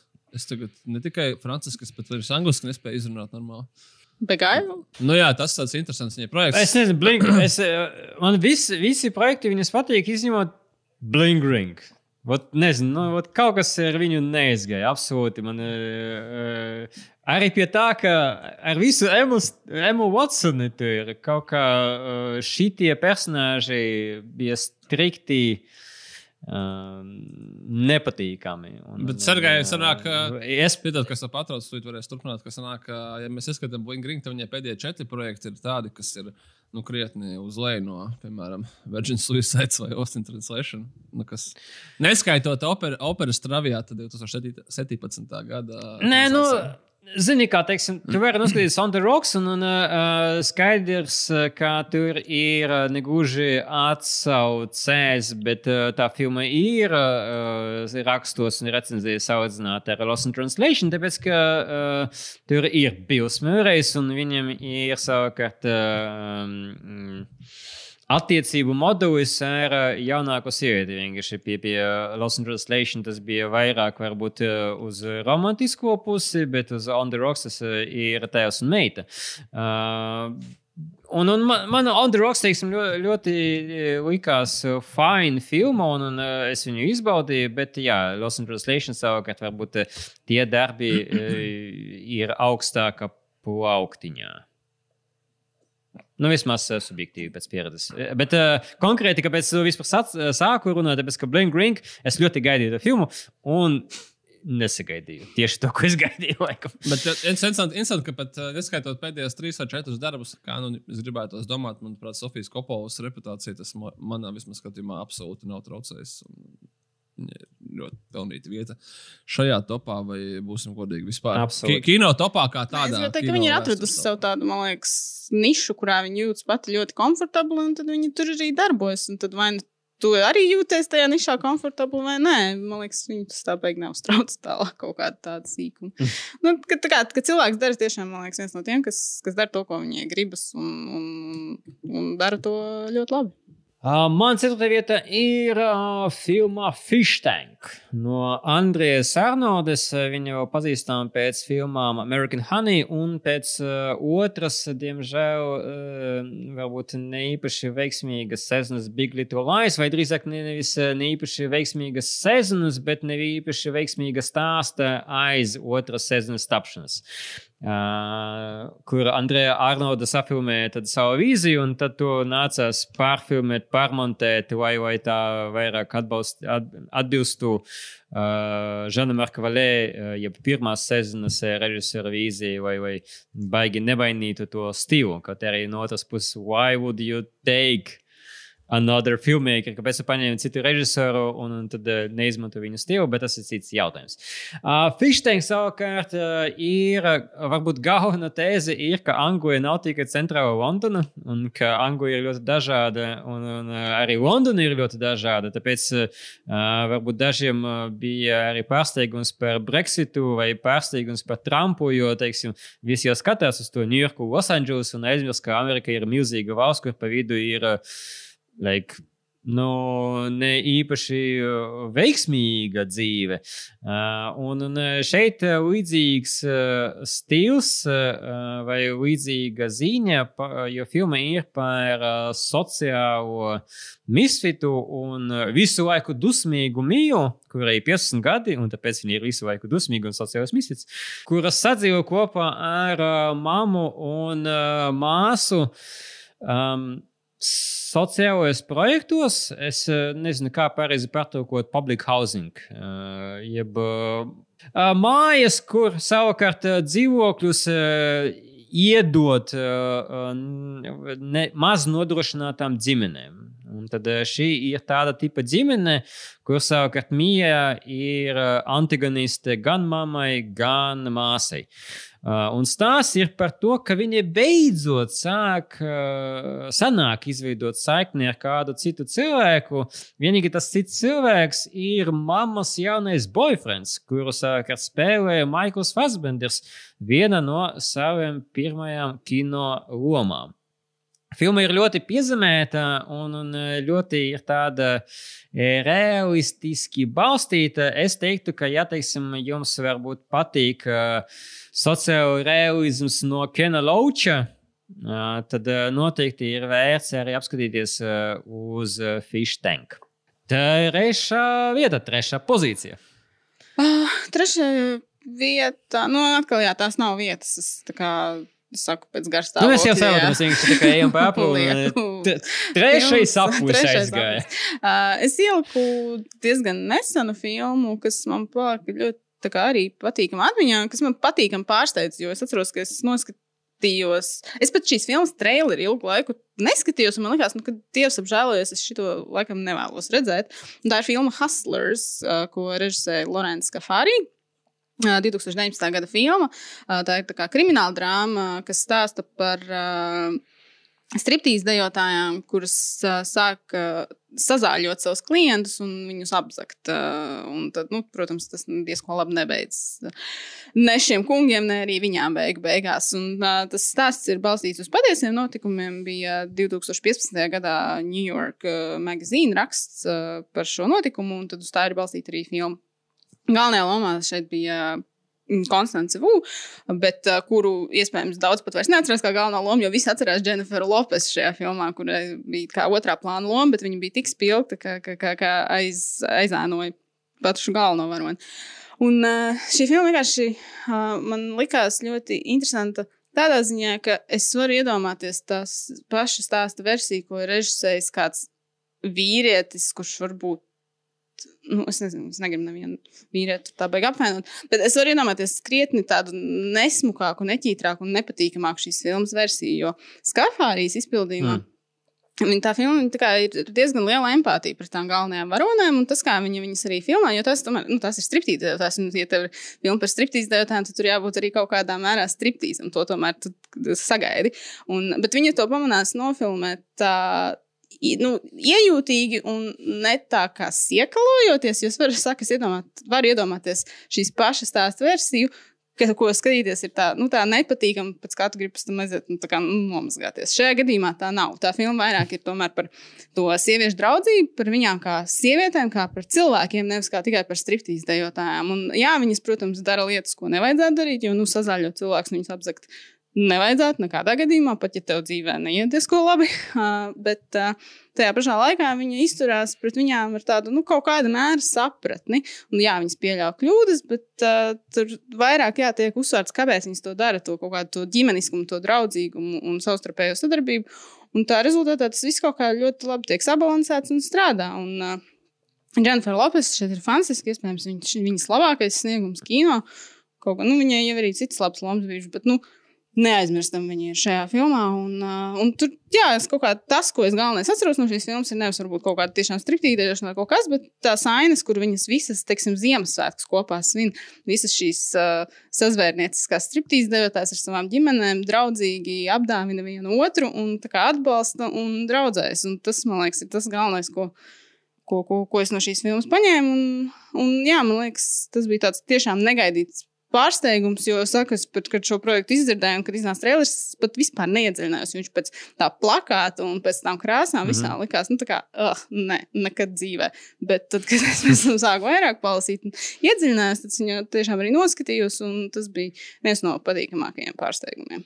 Uh, ļoti interesanti lieta, tāpēc, ka es tieši salīdzinoši nesen ska skatījos uh, jā, filmu Hustlers, un tāpēc es arī viegli salīdzināt. Bet, ziniet, kā es noskatoties filmu Hustlers, uzreiz sapratu, ka es esmu šo filmu jau salīdzinoši nesen redzējis. Pie tam tā kā beats by beats. Un viņai būtu brīnišķīga double feature, uh, double feature seans. Nu, brīnišķīgs manā Sergeja Timoņina izpratnē filmu Pain and Gain, kas saucās, kas saucās kā, vienu un to pašu stāstu būtībā parāda sieviete un parāda vīrietis, un absolūti ne tā, ka glaimojoši vīrieši. Nē, zini, kā spiedot, nevis vīrietis, bet Maikls Bejs. Būsim ļoti precīzi. Jā, viņš ir. ā, Ultravīrietis. Ultravīrietis. Nu, jā, un, uh, un tas, ka cik ļoti, cik ļoti kaut kādā ziņā pareizi pateicis, filma par striptīzējotājiem tiek parādīta smalki, absolūti neobjektificējot, bet jā, tas ir patiesa stāsts. Jā, viņas darīja nepārāk labas lietas, viņas par to arī beigās samaksāja, bet tas ir nu, tā kaut kādā ziņā smalki un sirsnīgi, un cik ļoti tad krievim tāds vārds ir dubalomna. Tā kā pēc tam, tā kā redzi, ka pie tam to Maikls Bejs rāda.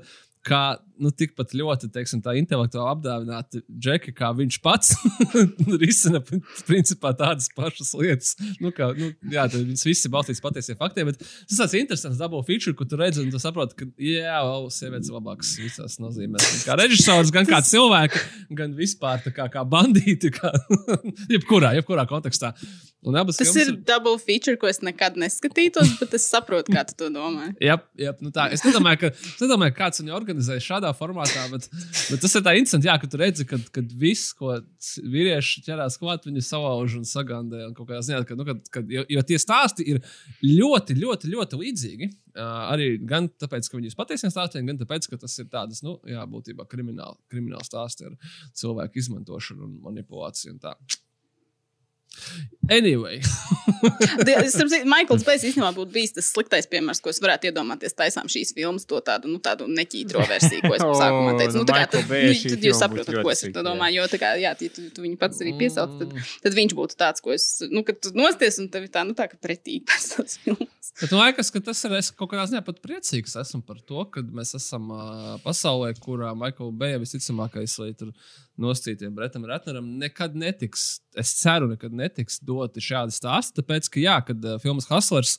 Nu, tā, tā arī tas, ko tu pati pieminēji, ka tu sākumā nemaz neplānoji skatīties, tāpēc, ka, nu, kas tu tur būs, tur jau būs uh, kaut kāda striperi, objektifikācija. Tur izskatījās pēc trēlera, kā tipiskā Jennifer Lopes filma, kas nav īsti glaimojoša opezē, bet nu, viņa pati gal galā ir savu filmogrāfiju būvējusi, bet uh, viņa nav, jā, viņa nav objektificēta. Un, un, un striptease šajā stāstā ir vēl viens vienkārši žanrs, ne, bet nodarbošanās, un pš, tas nav par, tas nav par to, teiksim tā. Un man liekas, ka daudz cilvēku aizgāja skatīties. Viņi domāja, ka tas būs par striptīzu. Viņi bija ļoti pārsteigti. Es ceru, ka viņi bija patīkami pārsteigti, nevis, eh, nevis bēdīgi. Nu, tas ir it's just a movie par interesantiem personāžiem. Šitā bija līdzīgi ar uh, Sudarberga Magic Mike.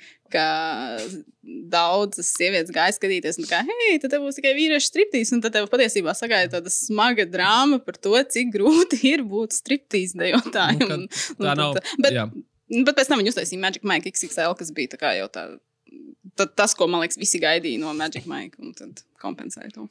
Nu, jā, uh, bet pārējāt pie mums ap numuru 3 šajā vietā. Man ir režisori, kurai ir tikai divas filmas filmas.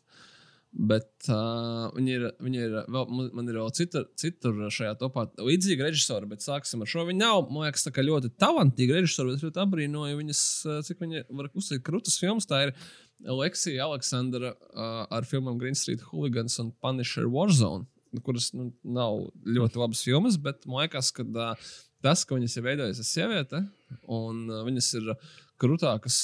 Nu, tādā, man ir jāuztur tomēr tas, uh, tas tēls, kad podkāstā ir tas, tas, un tas žeks, kurš tikai par akciju filmā fanu. Nu, tad, arī, tad arī fanosim tālāk. Viņam no manas puses, uh, viņas ir krūtākas nekā 90%, ko vīriešu režisori, tā skaitā Maikls Bēsnes, arī var izspiest ārā kaut kādā ziņā. Vardarbības adrenalīna vienkārši ir krūtuma ziņā, un man tas vienkārši ļoti, ļoti fascinē, kāpēc tas tā ir. Un tāpēc es došu Leksijai Aleksandrai arī ot, trešo vietu. Viņai gan, man liekas, ka neiet baigi labi, tāpēc, kad uh, pēc tam, kad izgāzās Punisher Warzone, man liekas, ka viņa iekrita Hollywoodas uh, melnajā sarakstā, un tā kā viņa ir sieviete, tad viņa Mm. iekrita viņā dubult zemu, jo viņai ir pēdējais ir uh, tādu seriālu kā Limitless Taken.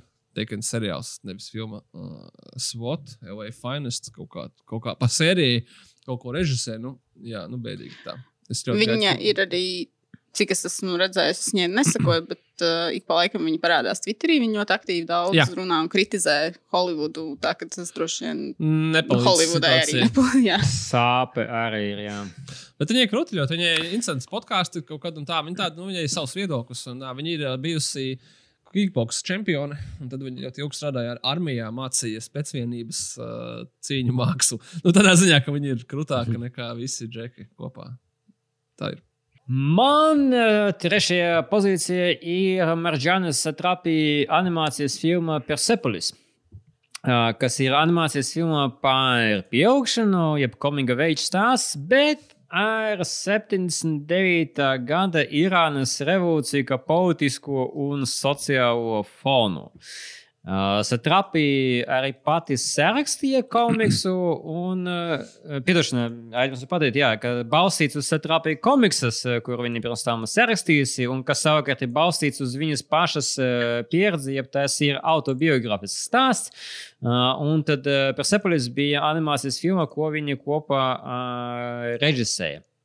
Uh, un man liekas, ka šeit ir ļoti interesanta citāda perspektīva no īrāņu pusaudzes, jo skaidrs, ka mēs daudz esam redzējuši, redzējuši komiku veidu stāstus, bet šādu komiku veidu stāstu no, no Irānas mēs īsti varbūt neesam redzējuši. Tāpēc tas iedod kaut kādas jaunas jautnes, kā mēs varam skatīties konkrēti gan uz to politisko krīzi un uzzināt kaut ko priekš sevis jaunu, gan arī uz to, kā savukārt jaunieši mēģina izdzīvot tajā laikā Irānā.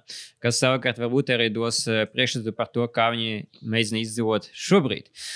Bet, jā, pat pēc saprastas, ka liekas, ka šis varētu būt tāda riktīga sociāla drāma un ģipeļas ņaks.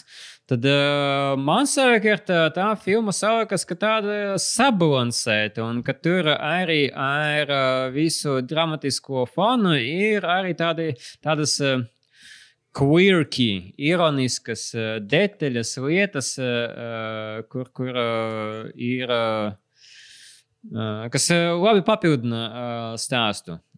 Un pašas satrapi savukārt karjera laikam aizgāja diezgan ok. Viņi bija filma Chicken with Plums, kā arī viņi bija viena no spektra filmām Voices. Ar Rainu Reynolds un runājušu kaci, līdz ar ko Līvai noteikti arī tā filma patika, vai ne? Jei! Nē, nepatika. Runājušu ārkārtīgi nepatika voices. Dēļ tā, ka kaķis teica, nogalināt cilvēku. Nē, man liekas, tad, tā ir, liekas, atsevišķa saruna par to filmu. Ka... Okay, okay, okay. Un tad uh, pavisam nesen viņa ar Rozamundu Paiku iznāca filma Radioactive. Tātad, uh, otrais aplis. Vai drīzāk, kurš aplis, bet to. nu, jā, otra pozīcija. Tāpēc, ka tas nav otrais aplis, šis ir ceturtais aplis. Uh, es, uh, kā pirmspēdējo, es sapratu, ka man tomēr ir jāpiemina kaut kas arī no tādām milzīgajām filmām. Un Tāpēc es izvēlējos uh, atsevišķi pieminēt Wonder Woman, Petīs Jenkins. Uh, runa ir par pirmo brīnumu sievietes filmu, otro es vēl neesmu redzējis. Es vēl kaut kādu cerību turu, ka varbūt, varbūt kinoteātrī, bet nu, droši vien jau ka nē, jāgaida, kad viņi kaut kur būs 24. pieejami. 24. martā. Tā so. HBO Nordic. Nu, būs- gaidīsim. Bet, nu, Nē, nu, kinoteātros, kinoteātros jau cerams, ka vienkārši, kad kinoteātris atvērsies, tad mēs uh, sagaidīsim arī šo filmu uz vai ne? Nu, es vēl ceru, jā. Bet, uh, bet nu, kamēr tā, tad to, to es vēl neredzēju, man tikmēr ir silts atmiņas par pirmo filmu. Es saprotu, ka otro tās atsauksmes ir tādas bēdīgākas, bet tos pirmās lieliskumu neviens nesabojās. Uh, DC uh, komiks pasauli pasteidzās šajā gadījumā apsteigt uh, Marvel ar, ar uh, sievietes supervaronas solo filmu. Par to viņiem tomēr jā, jādod kaut kāds kredīts. Uh, par daudz ko citu viņiem nevar to dot, bet, uh, bet šajā gadījumā, jā, tiešām Malači, un viņiem tas izdevās eh, ļoti, ļoti burvīgi.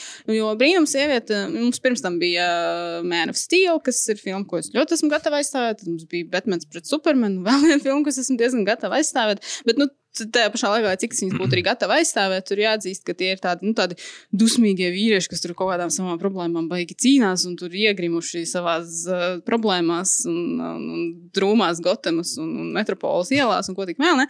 Un tad Wonder Woman nāca tā kā tāds gandrīz kā tāda krāsu eksplozija, un viņa nāca ar tādu pozitīvismu garu, kāds pirms tam nebija redzēts. Un arī pirms tam DC atcerēsimies, tur bija Nolana visas uh, Batmana filmas, kas bija nu, tādas super tumšās un nopietnās, un Suicide Squad, kas varbūt tur bija tā kā krāsaina, bet arī tajā pašā laikā tomēr tumša filma. Un Wonder Woman nāca tiešām ar tādu, tādu pozitīvu enerģiju un labestību, atšķirībā, teiksim, arī no tā paša Batmana, kas klopē visus pēc kārtas, tur Supermana, kurš mums šoreiz ir tāds, tāds, nu, tāds filozofiski drūmāks un tam līdzīgs. Viņai tomēr ir tā ticība cilvēkos. Un, Un tajā, ka viņi ir gatavi darīt labu, un tad viņi būs kā tas, kā tas, kā tas spēks, kas palīdzēs visiem citiem. Un tas, tas pozitīvais message šajā gadījumā bija tāds tiešām patīkams pārmaiņa. Un, un, un tiešām aizkustināt. Tā filmā ir problēmas, ir sevišķi noslēgumā, kad viņi kļūst par tādu tipisko supervaroņu filmu, šajā vārda sliktākajā nozīmē, diemžēl. Bet uh, tās visas tās pirmās divas. Trešdaļas, trīs ceturdaļas, es pat teiktu, ir tādas pozitīvas enerģijas. Kaut kāda Diana, Prince, brīnumsiet, viņa pat ir tāda drusku, varbūt pat naiva brīžos, kad viņa saskaras ar mūsu pasauli, kur ir vīrieši arī ne tikai sievietes, kā viņa pat ir uzaugusi kopā ar šīm amazonēm. Un tajā bērnišķīgajā priekā, kā viņa uzzina, ka, ka, ka viņa paver durvis uz kaut kādām jaunām pieredzēm. Un, un, un, un lietām, tu arī izjūti to prieku kā skatītājs. Un, uh, tas bija tāds tiešām, jā. Patīkams arī pārsteigums. tad Diezgan daudz, liekas, no tās filmas bija atkarīgs par to, vai kā mums vispār nākotnē kaut kādas sieviešu supervaroņu filmas mm -hmm. būtu bijusi iespēja redzēt. Jo, nu, būsim godīgi, Holivudā tas tā strādā, kā jau tas arī pirms tam minēja par par, par uh, Leksiju Aleksandru. Ja sievietei kaut kas nesanāk, tad viņai pēc tam ir trīsreiz tālāk atpakaļ jākārpjas, lai tiktu uz to sākotnējo pozīciju, nekā daudziem vīriešiem, režisoriem. Tad, nu, šajā gadījumā es domāju, Petija Jenkins arī diezgan daudz ko riskēja. Atcerēsimies, ka viņai bija arī paredzēts sākotnēji veidot otro Tora filmu, no kā viņa beigās, beigās atteicās, jo nu, tur nesaskanēja viņiem ar Marvel. Un, nu, laikam labi, ka tā, jo ar, ar DC viņai šoreiz bija ļoti labi sagājis viss kopā, un tā filma tiešām bija patīkams, patīkams tāds gaišs uh, stariņš diezgan tādā drūmā, uh, lai gan interesantā, bet drūmā pasaulē. Nu, kas notiek? Tagad mēs esam kur? Četvirtajā ar Boftaroju treku? Yes. Otra vieta. Nosacītajā topā. Uh, es gribēju atcerēties par tādu brīnišķīgu režisoru no aizgājušā gadsimta kura savulaik, man liekas, ļoti veiksmīgi atšķaidīja Holivudas dižgarus, tādus kā tas pats, piemēram, Spilbergs, tas pats Rons Howards, ar kuru viņi darbojās, un tā ir režisore Penija Maršala, kas mums vairs, diemžēl, nav kopā, bet uh, kurai ir tādas filmas ar Tomu Henku Big, Awakenings ar Robertu De Niro un, um, blin, nu, Nevis Dustins Hofmans. Es Nevis Dustins Hofmans, Ričards Dreifus, ne Robins Viljams. Jā, piedodiet, ļoti lūdzu. Uh, A League of Their Own. Ar Madonas diezgan briesmīgu performanci, bet tas nav Penijas maršals vai ne? Preacher's Wife un vēl dažas citas. Bet, manuprāt, jā, viņa bija tāda uh, ļoti retā sieviete režisora, kas strādāja tādās ļoti lielās līgās, uh, teiksim tā, un ar, ar visiem pārējiem Hovudas dižgariem noturot absolūtu teritoriju tādā ļoti plaši. Uh, pazīstamu skatītāju iemīļotu filmu lauciņā. Tā kā ir pelnīti jāatcerās. Es tikai saprotu, ka man ir sešas vietas īstenībā. Nu, neko darīt.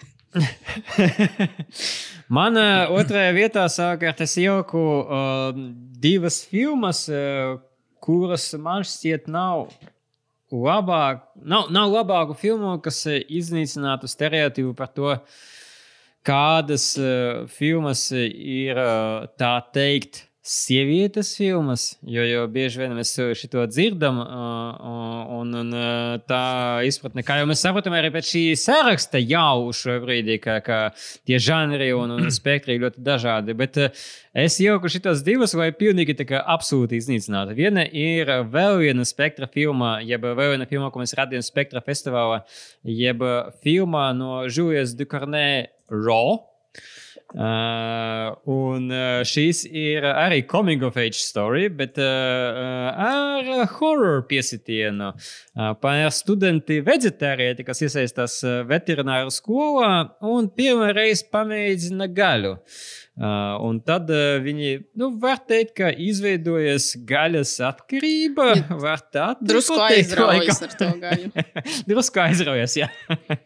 Tāpēc uh, atgādinu, ka šis ir horror stāsts, uh, un filmā vizuāli ir ļoti izpaidīgi, bet noteikti uh, Krievu valodā ir tāds teiciens - не для слабонервных. Jo dažas ainas ir tādas, kas paliks ar jums uz gadiem.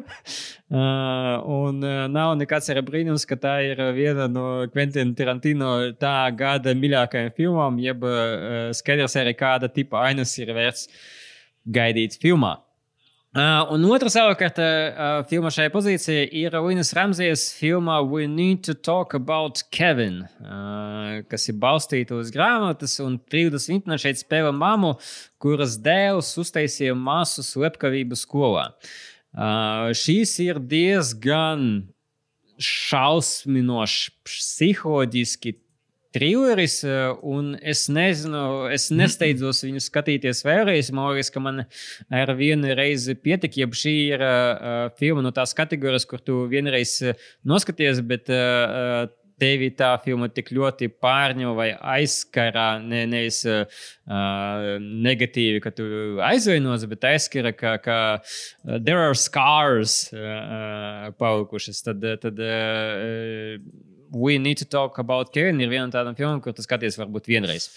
Uh, un Tīvdes stāsts un Tīvdes aktieru māksla aizrauja līdz sirds dziļumiem, bet uh, tāpēc arī sanāca, ka šis ir tāds ļoti savāds stāsts par mātes mīlestību un, un par mātes mīlestību pat uh, šajos brīžos un šajos uh, nosacījumos. Tas smags stāsts, lai neteiktu vairāk. Es esmu Diezgan. lasījis arī to grāmatu, un tas tev pilnībā piekrīt. Tā ir tāda filma, ko tu nosties vienreiz, un tā ir tāda grāmata, ko tu izlasi vienreiz. Atkārtot īpaši vēlams nav. Nu, no mūsu pēdējā, vai Sergejam vēl uzrādās vēl piecas vietas, jā, bet tikmēr Līva, kas tev ir pirmajā pozīcijā? Uh, Pirmā pozīcija, nu, vienkārši sanāk, kā viņa kā pēdējo pieminēt, bet nu, es piesolīju Katrīnu Hānu, un tad Katrīnu Hānu arī vajag deliverot, tā teikt, vai ne? Uh, un es vienkārši izvēlējos kā vēl vienu filmu, ko izcelt uh, Tamārs Jenkins, 2018. gada filmu Private Life. Uh, tā ir Netflixā skatāma. Un, uh, tur ir uh, galvenajā lomā Katrīna Hāna kopā ar Paulu Giamatti. Nu, viņi abi ir kā līdzvērtīgā pozīcijā, galvenuma ziņā, es teiktu. Un uh, filmas stāsta par uh, tādu pusmūža precētu pāri Ņujorkā. Kuri ļoti, ļoti, ļoti grib uh, savu bērniņu, un tad dara visu iespējamo, lai pie tā tiktu, bet nu, nav vairs tik vienkārši, jo viņi nu, tomēr jau drusku ir gados, un tad, uh, tas kļūst ar vien grūtāk. Un tad tā filma seko līdzi šīm viņu, šiem viņu centieniem, tiem, tām, tām, tām sāpēm un tiem sarežģījumiem, kā tas ir, un dara to ļoti, ļoti iejūtīgi un, uh, un uh, tā kā nekādā veidā nu, pat nevienā brīdī nekritizējot viņus. Nu, tas tā ir drausmīgi grūta un sarežģīta situācija, kurā, cerams, nu, neviens negrib nonākt. Un uh, filmu tu pastāst ar tādu tiešām iejūtību un sirsnību. Un uh, Katrīna Hāna un Pols Džemati ir brīnišķīgs pāris, kuriem tu pilnībā notici, ka viņi tiešām tāds pāris arī varētu būt. Un viņi ir tāds pāris, kurš kuriem tu droši vien gribētu draudzēties uh, dzīvē, jo viņi tādi, nu, tādi forši un patīkami un interesanti un i, viņi tādu radošo profesiju pārstāvi. Un, uh, un tad, uh, tāds, jā, tāds, tāds saldsērīgs, bet tajā pašā laikā nedepresīvs stāsts, jo šis arī man liekas, tāds stāsts, ko ļoti viegli būtu parādīt tādu nu, drausmīgi drūmi un, un, un, un gandrīz neizturam tādā Winnie Talk about Kevin, gandrīz varbūt līmenī, bet, tā, bet tā, tā filma mm. neatstāja tādu pēcgaršu. Tur nav priecīgi notikumi, protams, arī tajā visā un tā, bet, bet kaut kā tāds ļoti cilvēcīgs stāsts. Un tādus, man liekas, mums vajag vairāk un vairāk, jo tā cilvēcība, man liekas, mums reizēm grūti iet, un šī ir tāda, ko tiešām iesaku noskatīties. Uh, Katrīna Hāna ceļš ir īpaši burvīgi. Zinu, ka tagad visiem viņš šausmīgi patīk WandaVision dēļ, bet, uh, bet uh, viņai ir tik daudz lielisku filmu filmogrāfijā. Tur var viņas filmogrāfiju vien skatīties cauri un cauri. Šī ir, lielisks piemērs. Bet viņa ir bijusi, taču viņa visu neskaitāmos seriālos. Ir tik daudz viņai mazo kamēlu lomiņu. Tajā pašā Parks and Recreation. Viņa nu, pat bija arī Brooklyn Nine, ko es skatos. Nu, viņa ir ļoti interesanta aktrise. Un tas, ka mēs tagad viņu laikam novērtējam ar vien vairāk, tikai priecē. Bet tu jau skaties to viņas HBO seriālu? Ja es pareizi atceros. Uh, viņa, uh, viņai bija Miss Fletcheris, man liekas, kādā no sākotnējiem podkāstiem par to runāja. Viņa tur bija fantastiska. Es, uh, viņa tur tā diezgan izvairīgi runāja par kaut kādiem iespējamiem turpinājumiem, jo viņi bija balstīti uz grāmatas. Un, un tā grāmatā es nezinu, liekas, nav turpinājums, bet kaut kādā brīdī bija tāds, nu, ja kāds mums ļautu taisīt turpinājumu, tad mēs viņu taisītu. Un es vēl turos pie šīs kaut kādas pēdējās cerības, ka varbūt kādreiz, jo tur, tur viņa arī bija fantastiska. Un viņa bija arī. Uh, HBO seriālā I Know This Much Is True, kas bija tas vīrietim neveicis seriāls ar uh, Marku Rafalo. Viņa uh -huh. bija tā viņa sieva, kurai arī diezgan neveicās tajā seriālā, bet nu ne tik ļoti kā Markam Rafalo. bet uh, viņa, jā, viņa ir ļoti daudzpusīga aktrise. Es viņu, man liekas, lielākā daļa tomēr viņa zina kā komiķi. Nu, no visādām, uh, tur We Need to Talk, uh, we, we Are the Millers un tam līdzīgām filmām. Bet, uh, bet viņa ir uh, brīnišķīga aktrise arī drāmās un, un, un visur citur. Tad, jo vairāk mums Katrīna Hāna būs uz ekrāna, es domāju, jo mēs visi būsim lielāki ieguvēji. Un tāpēc es arī priecājos, ka beidzot vismaz ar uh, WandaVision tad, uh, cilvēks saņems pelnīti tik daudz gadu strādājis un uh, priecājas mūsu ar lomām. Tagad arī būs worldwide atzinība. Un skaidrs, nu. ka arī cilvēki skatīsies, ko viņa jau ir darījusi.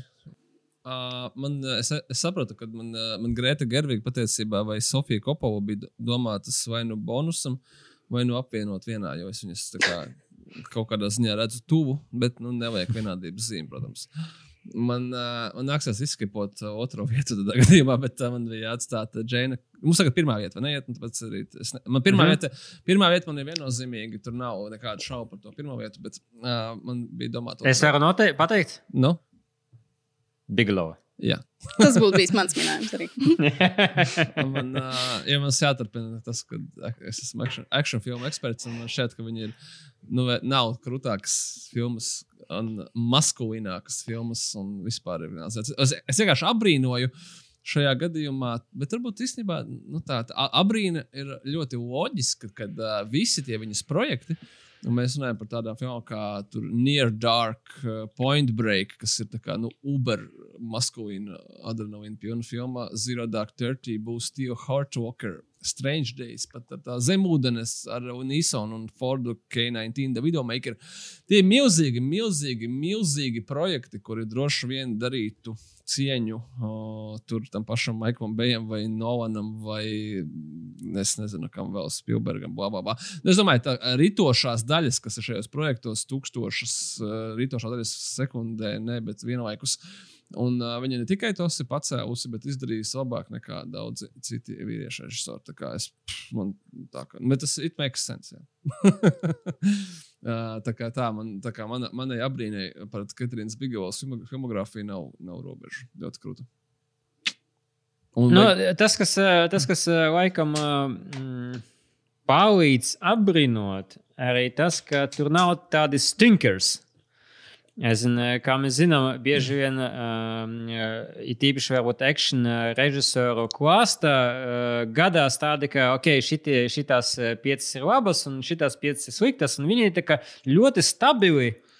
Uh, jā, ir bet- gadu pa gadiem viņi iedod to- tos uh, lielas uh, um, feinas uh, action filmas. Jā, un viņai ir tā, ka uh, nevar īsti pateikt, ka viņai ir maz režijas darbu, jo es tikko nosaucu mm -hmm. septiņus, un astotais viņai no pēdējām filmām ir Detroit. Nevar īsti pateikt, ka tas ir, ma tā ir maza filmogrāfija. Tā ir tāda pati filmogrāfija kā Quentin mm. Tarantino. Un uh, otrs, tas, ka man īsti laikam būtu nevis grūti, nu, faktiski uz papīra tu vari teikt, ka, piemēram, tas pats Point Break, tā ir action filma, bet nu, īstenībā jau nu, dramatisma līmenī viņa ir tāda action drama. Un tur ir diezgan krūti, akt, krūti aktieru spēle. Nu, ne no Kianu, bet no Patrika Sveizī, piemēram. Tā pašā laikā, nu, teiksim, man ir grūti iedomāties krūtāku vampīru filmu kā Near Dark, kas ir- es visu laiku sapņoju, ka uztaisīja sēnes, bet nu, es cik būtu skatītāji. Vai tas pats uh, Hurtwalker vai tas pats Zero Dark Thirty. Nu, jā, nu, gri- negribētu tos kategorizēt viņas kā action filmas, lai gan action šajās filmās ir tiešām visaugstākajā uh, līmenī, kādu mums uh, piedāvā citi dižie, teiksim, tā režisori. Nu, jā. Un man savukārt pirmā vietā ir uh, filma The Farewell no Google Vangas. Uh, filma, kurai es biju pat drusku pārsteigts, nebija nominēta uz Oskaru. Well, they're lost. Nu, Uh, Gan jau, ka tu zini, kāpēc. Kāpēc? Nu, tāpēc, ka nav par baltiem cilvēkiem. Tagad. Nu, jā, ok, nu, jā, nu, tas, tas uh, bija pirms. Pēr... Nē, es biju domājis, ka viņi vismaz kā. kā uh, Nu, vat, jā, pareizi. Viņa nevarētu būt kā best foreign film, pareizi. Līdz ar to viņa uh, pārsvarā ir angliski. Nē, viņa nav pārsvarā angliski. Es tagad domāju, viņa. viņa... Okay. Filma, par ko ir filma? Uh, balstīt uz patiesu uh, stāstu, uh, uz Lūgas Vangas stāstu, kur ir šīs filmas režisore. Uh, Akufina šeit spēlē mazmeitu, kur dzīvo ASV un kur jau ilgu laiku dzīvo ASV. Viņa atbrauc uz Ķīnu, jo Omīte drīz mirs. Un tad vajag satikties uh, ar Omīti nu, like, pēdējo reizi. Uh, problēma ir, ka neviens nesaka Omītei, ka viņa drīz mirs. Tas tiek pas, paslēpts, uh, turēts noslēpumā, un tur bija arī kaut kādi konkrēti iemesli, kāpēc tas netiek pateikts. Uh, bet uh, interesanti, ka, ka arī tad laikam Lūs Vangas Omītei arī nebija īsti pateikts par to, ka uh, šāds iznākums varētu būt sagaidāms. Bet uh, pati filma savukārt uh, ir. Uh, gan par uh, sievietes lomu ASV un sievietes lomu Ķīnā, kur uh, ir uh, interesants salīdzinājums tieši caur akvakinas perspektīvu, uh, gan arī kaut kāda ziņa par tādiem uh, bilingvāliem cilvēkiem, kas dzīvo starp uh, divām kultūrām un kā viņi mēģina kaut kā ielikt gan vienā, gan otrā, ko, uh, teiksim, es personīgi arī ļoti labi izjūtu. Uh, līdz ar ko The Farewell, nu jā, viņi baltu cilvēku nav, bet uh, tas noteikti netraucēja šo filmu izbaudīt. Tā ir arī uh, uztur to balansu starp skumīgo dēļ stāsta, bet arī smieklīgo. Uh, un, un tādā ziņā ļoti, ļoti patika. Bet kā bonusu savukārt, ja mēs čitojam un liekam klāt vēl filmas pirmās vietas, Kā bonusi savukārt, vai, vai drīzāk aicinu um, uzsvert to vai uzskatīt par tādu double bill, uh, tad vēl var pielikt klāt Clio from 5 to 7 no Agnes Aņiezes vārdas kas savukārt nāca no, no Frančija jauna viņa subgrupas, kas saucas par Left Bank, un kas bija vairāk politiski kreisāki nekā uh, Right Bank, kur savukārt bija Truffaut un Godard un tā tālāk. Uh, savukārt kreisajā krastā Left Bank bija Alan René, Agnes Verda, un uh, viņa savukārt Agnes Verda šajā Filma stāsta par Kleo, kurai mēs sekojam no 5,5 līdz 7, kamēr viņa savukārt gaida testa rezultātu, vai viņai ir vēzis. Un tā filma arī ir par mīlestību, par eksistenciālismu, par sievietes skatpunktu un arī pozīciju franču sabiedrība to laiku. Līdz ar to man uh, liekas, ka, ka tematiski šīs abas filmas ļoti labi iet kopā. Un uh, noteikti, ja ir iespēja arī pielikt klāt uh, Cleo uh, pie, pie saraksta, tas noteikti būs arī izdevīgi mūsu klausītājiem. Nu, lūk, tas arī būtu uh, mūsu nepiecinieks, gluži tāpēc, ka nosaukt, mēs kā jau vienmēr nosaucam vairāk filmu, bet varbūt jums bija vēl kādi honorable mentions, ko mēs varētu pielikt klāt. Man eh, nācās izlaist tā, ka kļūdas man bija otrā vietā. Es pievilku Džēna Kempionu ar uh, piano Howie Smoke, Portrait of a Lady. Uh, un vēl viņai būs tagad Netflix filma šogad ar Cumberbatch un Plemonsu. Tā kā man liekas, ļoti spēcīga, eh, spēcīga režisora, kas arī tāda, kas jau sen iekarojusi savu vietu kino vēsturē, un no kuras arī ne, nefilmē daudz, bet eh, ļoti, ļoti pamatīgus darbus un nav izdarījis tādu stinkeru. Tas no manis. Uh, Līva? Uh, nu, varētu saukt vēl un vēl, protams, ir kaut kādas, bet laikam tas, ko es tā atšķirīgi gribētu pieminēt, tas uh, ir tāda sanāktu maza, maza mini kategorija. Uh, Ostinas ekranizācijas. Uh, viena no tām būtu Emma, kas uh, bija pagājušā gada filma Autumn the Wild, ko režisēm, par ko es jau arī esmu vairāk runājis. Tad filma Konča, filma Deserts, burvīgi skaista un tāda simpātiska uh, Emmas ekranizācija. Un, ja jau mēs runājam par ēmas ekranizācijām, tad tā otra būtu filma Clueless, kas ir Ēmijas Ekerlingas režisētā filma ar Alīsiju Silverstone. Tagad es nepateikšu precīzi, kurš gads, 90 kaut kāds, kas, kas, jā, kas īstenībā arī ir balstīts uz Džeinas Ostins ēmas, tikai pārstāstīta mūsdienīgā. Nu, tā, tam laikam mūsdienīgā vidē un uh, samainot tās uh, reālijas un tam līdzīgi, bet uh, arī ar tādu sirsnību, humoru un, un, un brīnišķīgu Alīsijas Silverstonas performanci. Tad interes, var, interesants veids, kā salīdzināt kādu vienu un to pašu stāstu, var divos pilnīgi dažādos veidos izstāstīt, bet izdarīt to mm. vienlīdz brīnišķīgi. Es vēl pielikšu klāt no savas puses, aizdosimies drusku uz Austrāliju, uh, Jennifer Kento ar filmu Babadook. Uh, un arī pieminēšu Debru Graniku, kas bija arī minēta šajā podkāstā ar filmā Winter's Bone un uh, Leave No Trace, uh, kā arī uh, ļoti interesanti vērot uh, režisoras Klojas Žāo uh, aktīvu karjeras izaugsmi. Viņa ir pazīstama pēc filmu The Rider, kas bija mūsu ASV neatkarīgo kinofestivālā. Un ļoti gaidām, tad savukārt iespēju noskatīties viņas filmu Nomadland, kurai sola visas iespējamas balvas un jau kaut kādas balvas tika iegūtas. Man liekas, ka šodien pat bija ziņa par režisoru Gildas nomināciju, gan neizbaudu. Uh, kā arī Marijas Helleras filmu. A Beautiful Day in the Neighborhood mēs jau pieminējām, bet varat vēl pielikt klāt Can You Ever Forgive Me? Viņas savukārt iepriekšējo filmu. Un uh, varbūt tad noslēgšu uh, pie sevis ar uh, filmu Girlfriends no Klaudijas Vēles, uh, kas uh, laikam patiks visiem tiem, kam, teiksim, patīk seriāls Girls, jo, jo uh, Lena Danama uh, arī minēja, ka viņa iedvesmojas arī no šīs filmas. Un vēl uz mirkli atgriežoties pie Kložā, man liekas, tur vērts arī pieminēt, ka, protams, mēs gaidām viņas Eternals, uh, Marvel uh, debiju. Nu, tas jau. Jā, tas Tie tie tie, tie bija. Marvel, zini, Būtu, kā ja būtu sīkums. 2020. gads bijis normāls gads, tad būtu bijis tā, ka mums būtu bijušas četras milzīgas komiks ekranizācijas, kuras būtu režisējušas sievietes. Tā būtu bijusi Birds of Prey, Ketijana, Wonder Woman 1984, Petty Jenkins, uh, The Eternals, Zhao un, un, un Black Widow, uh, kuras režisors vārdus pēkšņi Mm. sekundē aizmirsu, kas ir ļoti apkaunojoši. Uh, bet, uh, bet Short, mm. Short and Jā. laikam kaut kas tāds. Jā. Uh, tieši tā. Un, uh, bet nu, 2020. gads bija uh, absolūti miskasta, un tad mums arī šis prieks, diemžēl, zuda. bet nu, tās filmas jau nekur Nu, nu, nepazūd. Kas notiek ar Eternals? Nav pat trailers vai vismaz viena bildīte no viņas. Nekā nav. Marvels tur kaut kur. Arī jau gatavs gadiem. Nu, ir viena sliktas kvalitātes bilde, kur var noskatīties viņu kostīmus, bet tā bilde bija nolikota un, man liekas, nebija pat oficiāli izlaista. Mm -hmm. Tikai līnija ir pagaidām. ar Eternals. Tikai logotips man šeit oficiāli ir nolīk, no, nolīkots. Yeah, well, you know, that's just like uh, your opinion, man.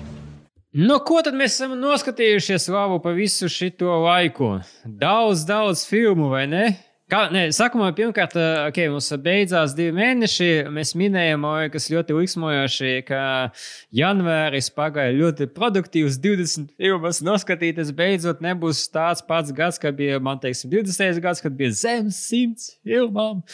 Nu, lūk, tad kā mums gāja ar februāri? Tikpat labi? Es tā beigās neskaitu, cik es skatos.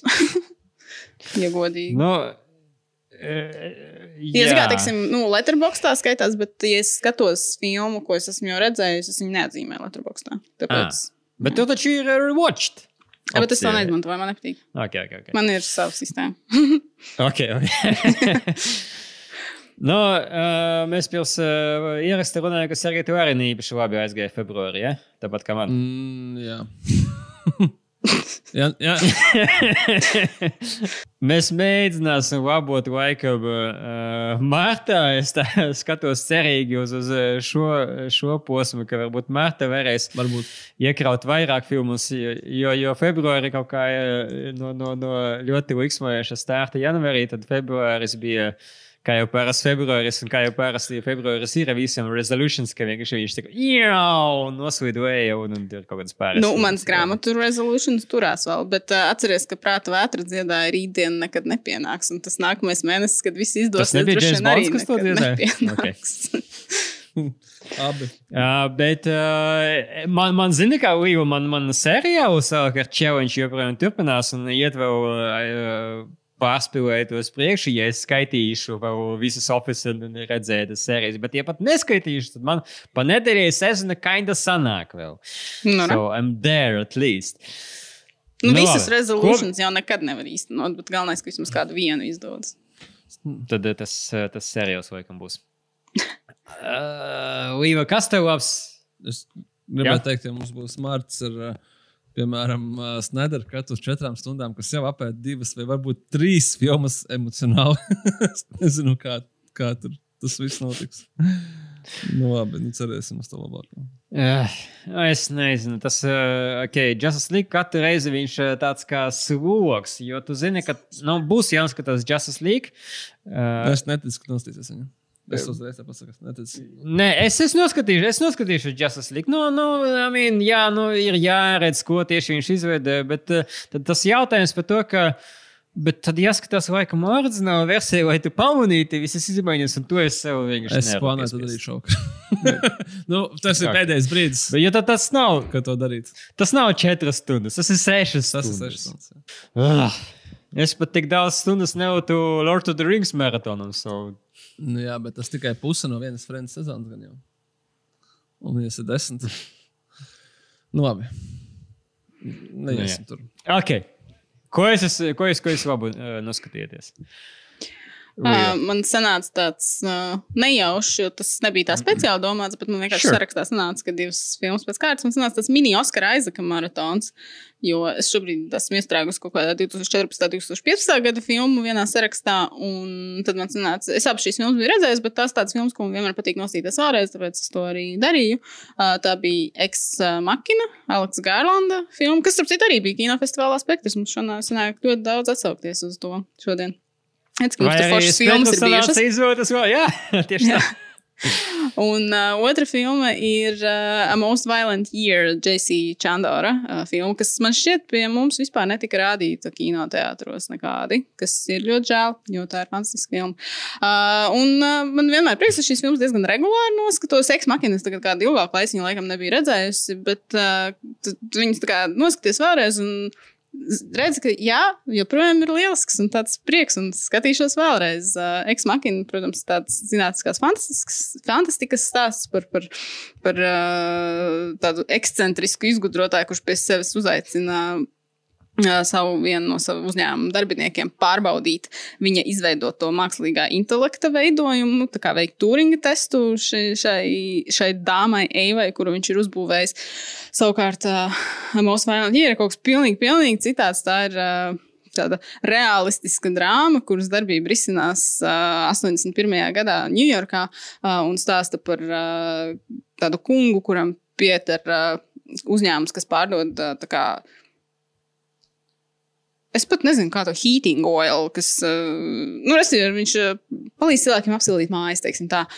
Un tad uh, viņam iet grūti ar to, ka grūts gads, noziegumi daudz, viņam uzbrūk konkurenti, vajag naudu, vajag visu kaut ko citu. Nu, respektīvi, kaut kā jāpērst tajā biznesa pasaulē, un tad Oskars Aizaks atveido šo izgudrotāju eksmakinā un šo biznesmeni Most Violent Year. Un viņš ir brīnišķīgs abās filmās, tā ka jūs izdomājat sev taisīt Oskara Aizaka tādu double feature, tad šīs būs brīnišķīgs izvēles. Mm -hmm. To es absolūti garantēju. Uh, ko es vēl varētu pateikt? Ar Mo- Most Violent Year man ir katru reizi, man, es šo filmu redzēju kāds trīs vai četras reizes jau tagad. Un es katru reizi aizmirstu, ka tā darbība norisinās Ņujorkā. Jo es katru reizi, kad filmas sākumā parādās 81. gads Ņujorkā, tāds pagad, tas nav Čikāgā. Es nezinu, kāpēc es esmu ieņēmis savā galvā, ka šīs filmas darbība norisinās Čikāgā, bet tā nav. Tas, es nezinu, man pilnīgi kaut kāda dīvaina pārliecība. Bet uh, nu, man liekas, ka Eksmakina droši vien ir no šīm filmām zināmāk, tāpēc tos varbūt tik daudz neizreklamēšu. Es vairāk šoreiz pareklamēšu Most Violent Year, kas ir uh, tāda nu, tiešām solīta, pamatīga, groda krimināla drāma. Tur uh, galvenajā lomā ir, jā, kā jūs minējāt, Oskars Aizaks, un uh, viņam uh, blakus ir brīnišķīga Jessica Chastain. Viņus abus divus, starp citu, mēs drīzumā redzēsim uh, HBO uh, arī kopā. Es tagad neatceros precīzi šī projekta nosaukumu, bet tā ir tā Ingūna Bergmana filmas Mm. jauna versija. Tā kā viņi arī dzīvē Scenes esat- from marriage, jā. Jā, ā, ļoti, ļoti, ļoti labi draugi, un viņiem arī brīnišķīgi saskan uz, uz ekrāna. Tā ka par to ir liels prieks. Bet, bet jā, Jēzus Čanoram šī tāda, nu, tāda, es redzēju daudz, kur tā filma tiek salīdzināta ar krustāvu. Nu, tāda tipa tā filma ir. Tāda tiešām nopietnas, tur biznesa ģēles, tur nu, mafija varbūt tur tā netik daudz mazāk, bet arī nu, kaut kādi tur savējie un nesavējie un visādas sabotāžas un kas tik vēl ne. Un tā filma pamanās visur tās divām stundām uzturēt tādu pamatīgu spriedzi. Tur tie notikumi nav nekādi tādi fantastiskie. Tu vari reāli iedomāties, ka tādas situācijas varētu būt bijušas. Un uh, ir, ir tiešām interesanti sekot līdz tam, kā viņi to drāmu risina. Oskars Aizaks, man liekas, ir nu, teju burtiski katrā kadrā redzams. Un mm. nu, no viņa tu nevari nolaist acis. Viņš ir tiešām tāds, liekas- tāds fantastisks aktieris. Palabot man, tas bija arī konkrēti periods, pirms viņš uzsprāga tieši ot, uh, Ex-Machina. Nu, man ap to laiku, uh, cik kā, tas ir uh, gads pirms uh, The Force Awakens, kur mm Mhm. viņš bija kā Paul Damerons, un tad, nu, tā kā burtiski visa pasaule viņā samīlējās, mm bet, bet šis bija tāds viņa, tas, nu, tā kā, ka viņš sev pierādīja kā tādu riktīgi, riktīgi kvalitatīvu aktieru. Pirms tam bija vēl iepriekšējā gadā Inside Louis Davis, arī mm. Koeniem, un tā, ka šis bija viņam tāds ļoti, ļoti ražīgs periods. Un uh, ir vērts to periodu papētīt, jo tur ir daudz, daudz labu filmu.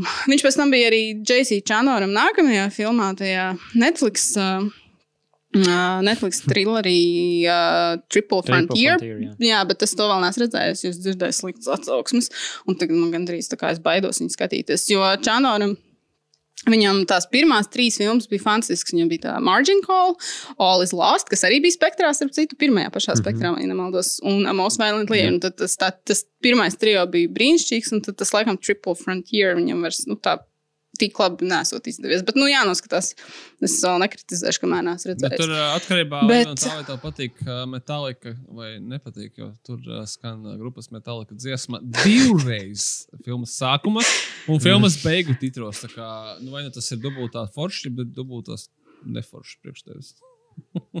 Bet, uh, ja metālika ir tā kā, nu, neitrāla, Nu, tad tur uh, būs jāmeklē citi pulsi. Nu, Netflixam ir tik daudz naudas, ka viņi var nopirkt sev divas metālika dziesmas. metālika diezgan dārgi maksājām. Tāpat kā Led Zeppelin. Bet, uh, bet jā, nu, man sanāca jā, tāds Oskara aizsaka, mini-maratons, tas tāds vienojošais faktors. Uh, bet, nu, pelnīt. Viņš ir tiešām tāds, tāds, tāds mm. interesants, interesants aktieris, uh, ko, ko, ko gribētos vēl un vēl un vēl redzēt. Sergei, kas tev labs? Nu, Letterboxdā. tas Man nācās saprast, ka janvārs ir bijis pagājis labākais mēnesis. Bet, nu, nē, viss jau ir. Būsim cerīgi. Būsim cerīgi. Man ir bija saskarsme ar to, ka teiksim, es tagad mēģināju, saka, kamēr Līva stāstīja noformulēt, kā lai, kā lai šo pasniedz, kad kaut kā opti, optimistiski ir jāpasniedz, kad man ir bijis saskarsme ar tādu momentu, kur man bija jāsaņemās, un tā kā tāda cilvēka mīlestība jāpliecina. Mēs, mēs draugu noskatījāmies sākumā Batman Begins, kurš, kur viņa nebija redzējusi. Tā vajag kā visu no triloģiju, un viņai tā kā patika. Un tad es domāju, nu, rekrutūjīt būs uh, galvenais, galvenais grāvējs, uh, The Dark Knight. Un tad tas viņai ļoti nepatika. Jo, nu, gadās tā. Un, un man šeit viss atlikušo, atlikušo vasaru, man esat bija va, va, vakar, nevis vasara par laimi. Es ceru. Un Bija, bija tāda seja, ka tā visas pasaules sāpes, un tā tādas, nu, tā, tā cilvēkam pārdomas, vai vērts vispār turpināt visu to pasākumu kopumā griezt.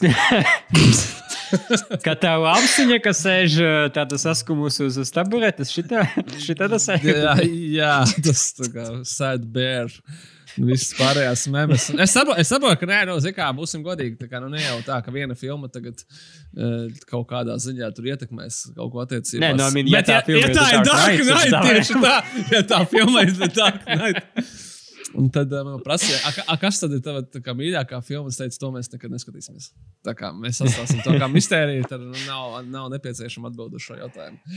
Bet noskatīsimies, noskatīsimies arī Dark Knight Rises. Lai gan būsim godīgi, mēs saprotam, ka Dark Knight Rises diez vai būs tā filma, kas teiks, nu, šī bija tik ļoti labāka par Dark Knight, kad viņi atrisināja. Bet Jā. tu obligāti to nezini, jo, zināmā mērā, tu Jā, jā. gaidīji, ka The Dark Knight riktīgi patiks, un varbūt tad te būs tieši pretējs. Tu gaidi, ka būs tāds ēna, mm -hmm. bet varbūt tā tieši noklikšķēs.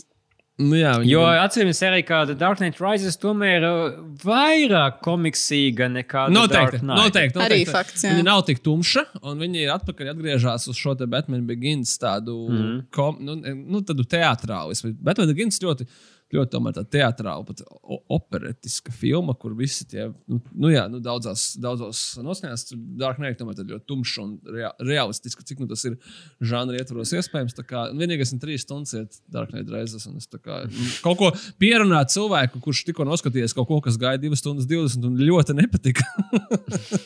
uz, uz to pašu tikai vēl garāku. Bet man izklausās, ka tu laikam varbūt drusku par ātru uztaisīji Batman un Robin savu rewatch, ka varbūt to vajadzēja tagad kaut kā. Mm. nu, jā, bet zini, kā. Kas mums kino māca, ka ir jātic, tic, jātic mīlestībai. Es ticu, ka viss būs labi. Un, un, un ja kas tad nostīsies pēc tam Man of Steel, tad, tas jau tāds optimistisks kino par Supermanu. Tad viss forši. Mm, bet es nezinu, vai. Jā, Nu, tieši tā. Nu, vai ir vienkārši Iron Man un tas tāds priecīgs, un pēc tam uzreiz Guardians of the Galaxy un kaut ko vēl jautru, Toru, Ragnaroku. Mm -hmm. Varbūt ārpus, ārpus secības, bet tas nekas. Uh, bet, nu, Gaidīsim updates. No filmām, kuras sasties pirmo reizi, es beidzot, beidzot sapratīšu visas tās jūsu, nu, labi, es viņas sapratu arī iepriekš, tās visas jūsu mēmes ar to puiko, puskaivo goslingu, kurš tur kā. Un, un, un noskatījos uh, Crazy Stupid Love. Nu, jā. Nu, kā saka, atķeksēts ir. Nē, nu, forša filma, mīļa filma, tā es neteiktu, ka man šausmīgi patika, bet, nu, ko tad jūs no manis gribējāt? Tā. Nu, Redzēsim, ko mums nākotnē nesīs, kādas vēl pārsteigumus. Es savukārt uzskatījos uh, filmu The Personal History of David Copperfield no Armando Ianucci, kas ir balstīta, protams, uz uh, Čārlza Dikensa grāmatu. Uh, es teikšu tā, ka uh, es ne- neatstāstīšu baigas izžetomīnu. Nu, tas ir par Davidu Copperfieldu uh, 19. gadsimta Londonā. Nevis Londonā, piedošana Anglijā. So that, that's about it. Uh, bet es uh, pateikšu par to, ka ir uh, laikam divas lietas, kur es nepiekrītu veidotāju radošajam lēmumam. Uh, Pirmkārt, man filmas struktūra drusku atgādināja Melnijas kroniku un Jogodienas 4 un manas problēmas ar tām filmām. Ja man atgādināja problēmas ar adaptācijām kā tādām, tāpēc, ka man šeit ļoti skaidri bija sardzamas, uh, tā teikt, um, Stitches uh, starp ainām, kur, kur viena aina ir tā, ka reku ir uh, ainiņa par šito nodaļu, un reku ir nākama nodaļa, nodaļa un reku aina par šo nodaļu. Uh, un te ir sajūta, ka uh, šis ir tiešām mērķiecīgs radošais lēmums, ko es varbūt nevaru pateikt par to pašu Melnijas kroniku vai Jogo 94. Uh, jo Copperfieldam, uh, kā jau mēs saprotam, pēc filmas ir uh, disleksija un uh, laikam arī kaut kāds ADHD. Uh, un viņš šādi arī pierasta savus stāstus ļoti sarauti, ka viņš pierasta kaut ko uz papī, uz viena papīrīša kūt Klusīša kādu stāstu, un tad uz cita klusīša pierasta citu stāstu. Un, un tas man savukārt atgādināja jau pieminēto seriālu Dickinson, kur uh, Emīlija Dickinsona pierasta uh, savas poemas ļoti līdzīga veidā. Un, uh, man, man pat atgādināja vizuāli, kad kā tas tika atradīts, un, un uh, bija pat drusku sajūta, ka, bet wait a moment, to jau Dickinsona izdarīja, varbūt jūs varat kaut kā citādi paspēlēties, uh, kā to attēlot. Bet kopumā uh, ta- tas viens punkts, un otrs. Uh, Kas arī ir tāds savukārt eh, radošais lēmums no, no veidotāja puses uh, par Copperfielda identitāti, uh, kas ir galvenā tēma, kas vies cauri filmai, jo visas otras pakāpes personāžas sauc viņu citādi, un tad viņš meklē uh, sevi, meklē savu identitāti pie katras no grupām.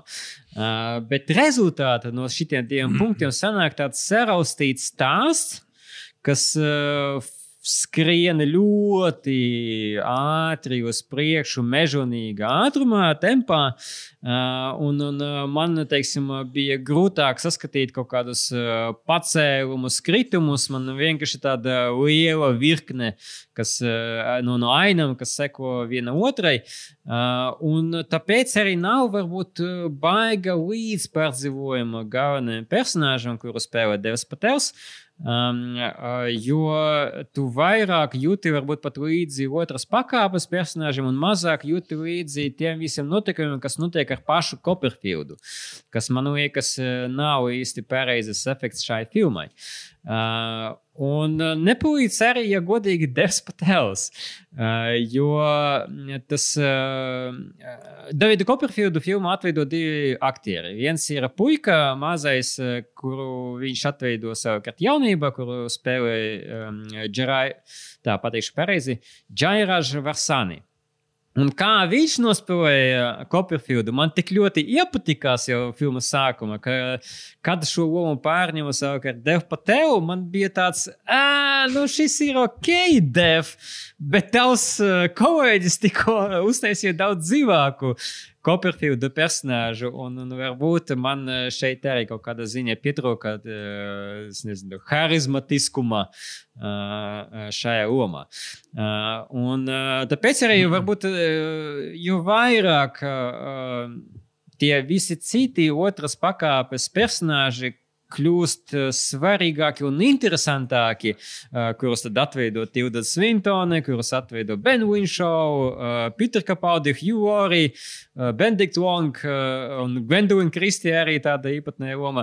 Jeb, tur ir interesants aktieru klāsts, un tas man arī patika filmā. Viņa ir krāšņa, viņa ir skaista gan pēc dekorācijām, gan kostīmos, un ir pozitīva. Tā ir tāda liksmojoša kaut kāda sajūta, un, un viņa noteikti ir tā, kura varbūt iedod to, to pozitīvu vādiņu uh, drūmai dienai. Bet uh, tieši Copperfieldu kā tādu es neizjūtu un, un laikam uh, neperdzīvoju viņam līdzi. Bet es saprotu, Līva, tu esi redzējis to filmu, un tā, tev gan viņa patika. Vai mums sabalansēja? Tu izstāstīji, kā tev patika. Man, jā, man ļoti tā filma patika. Man ļoti patīk arī tas Čārlis Dikens romāns, kas ir, kas ir filmas pamatā. Tas, laikam, ir mans mīļākais no Dikens romāniem. -hmm. Man liekas, tā problēma, es saprotu, ko tu saki, un es, kā, es to netaisos strīdēties pretī. Uh, es, kad filmu skatījos, es sapratu, ka es no tā romāna neatceros gandrīz neko, izņemot nu, tādas izžetiskās ziņas, izņemot to, ka man ļoti viņš patika un kaut kādu to sajūtu. Un to sajūtu es guvu arī skatoties filmu līdzīgu, ka kaut kas mm -hmm. tur bija, laikam, ja nu šī ir bijusi uz kaut kāda tā paša viļņa. Uh, tā problēma tāda, nu, ka tā grāmata, kā jau visas Dikens grāmatas, ir drausmīgi bieza, tur drausmīgi daudz kas notiek. Un tur kā, viņš ir bijis spiests ļoti daudz ko, protams, izlaist un tur apvienot un tam līdzīgi. Un, mm, droši vien tas kaut kā. Ja nu, ir jūtams, es pieņemu. Es saku, es neatceros specifiski kaut kādus tos izžet pavērsienus, bet, uh, bet es laikam varbūt uz to skatījos bišķi kaut kā labvēlīgāk un piedodošāk, jo es tā kā skatījos, tad, nu, tad es varbūt to nepamanīju vienkārši tik ļoti, mm -hmm. jo mhm. vairāk atcerējos to sajūtu, kā lasot. Un, Un, un kā tas bija šeit.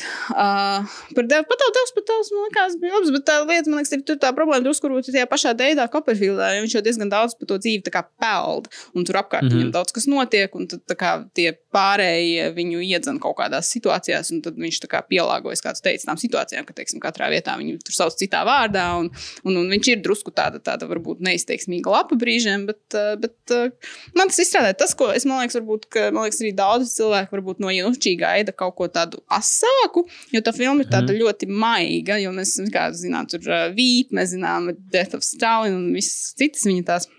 Tās indīgi, sarkastiskās filmas, un tā galīgi nav. Viņa tāda ļoti sirsnīga. Viņai ir humors, un tāds, bet tas nav tāds januči, F-bumbu humors. Uh, un, uh, varbūt, man liekas, da, dažiem cilvēkiem arī tas nedaudz no viņa pietrūkst. Bet uh, man tas likās tāds, tāds, tāds forši vasarīgs, vasarīgs piedzīvojums. Uh, Es saku, jā, man varbūt ir... palīdzēja tas, ka man bija vienkārši tādas siltas atmiņas par to grāmatu, un tad es kā, mhm. varbūt ar kaut kādu lielāku labvēlības devu jau no sākuma uz to visu skatījos. Un, un biju gatava piedot kaut kādas lietas vai nepamanīt pat lietas.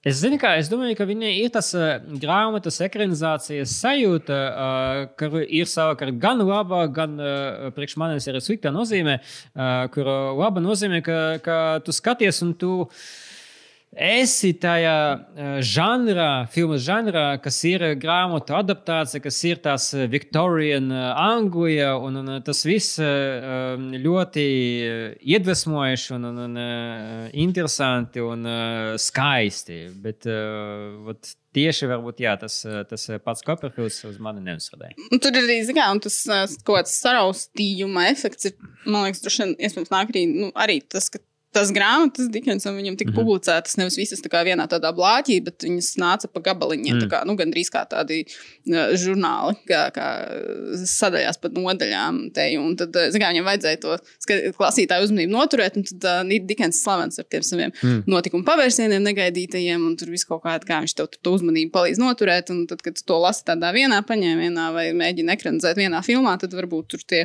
tie kā tu teici, tu vari just, manīt tās šuves kaut kādas, kur ir, mm -hmm. nu, kā šos, līmēts jā. kopā, jā, un tad es pieņemu, ka tas varbūt, nu, viss, nu, ka tas nāk kaut kur no turienes, jau no tā oriģinālā avota šajā gadījumā.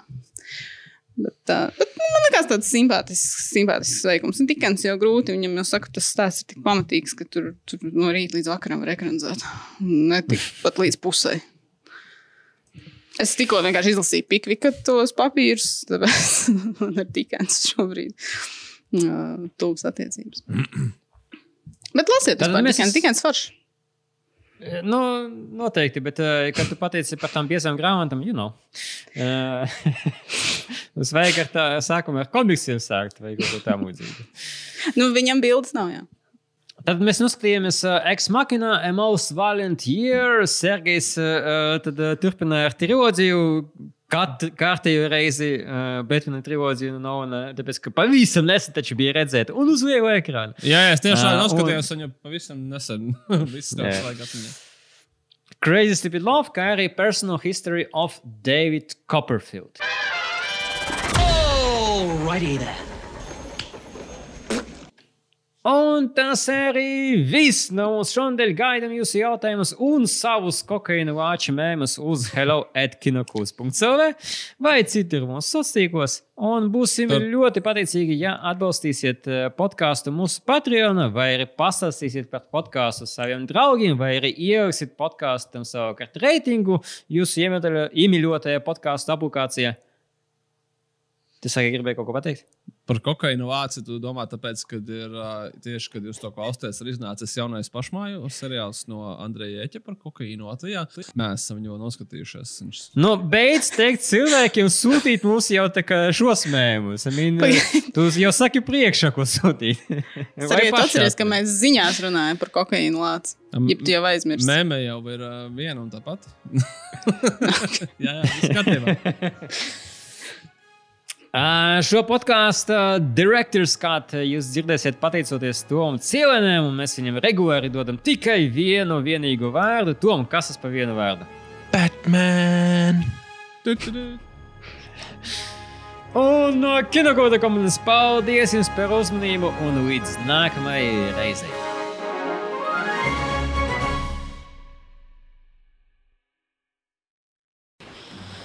Take off. Why?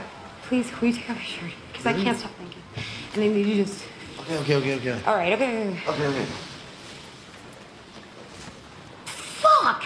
Seriously? It's like you're photoshopped.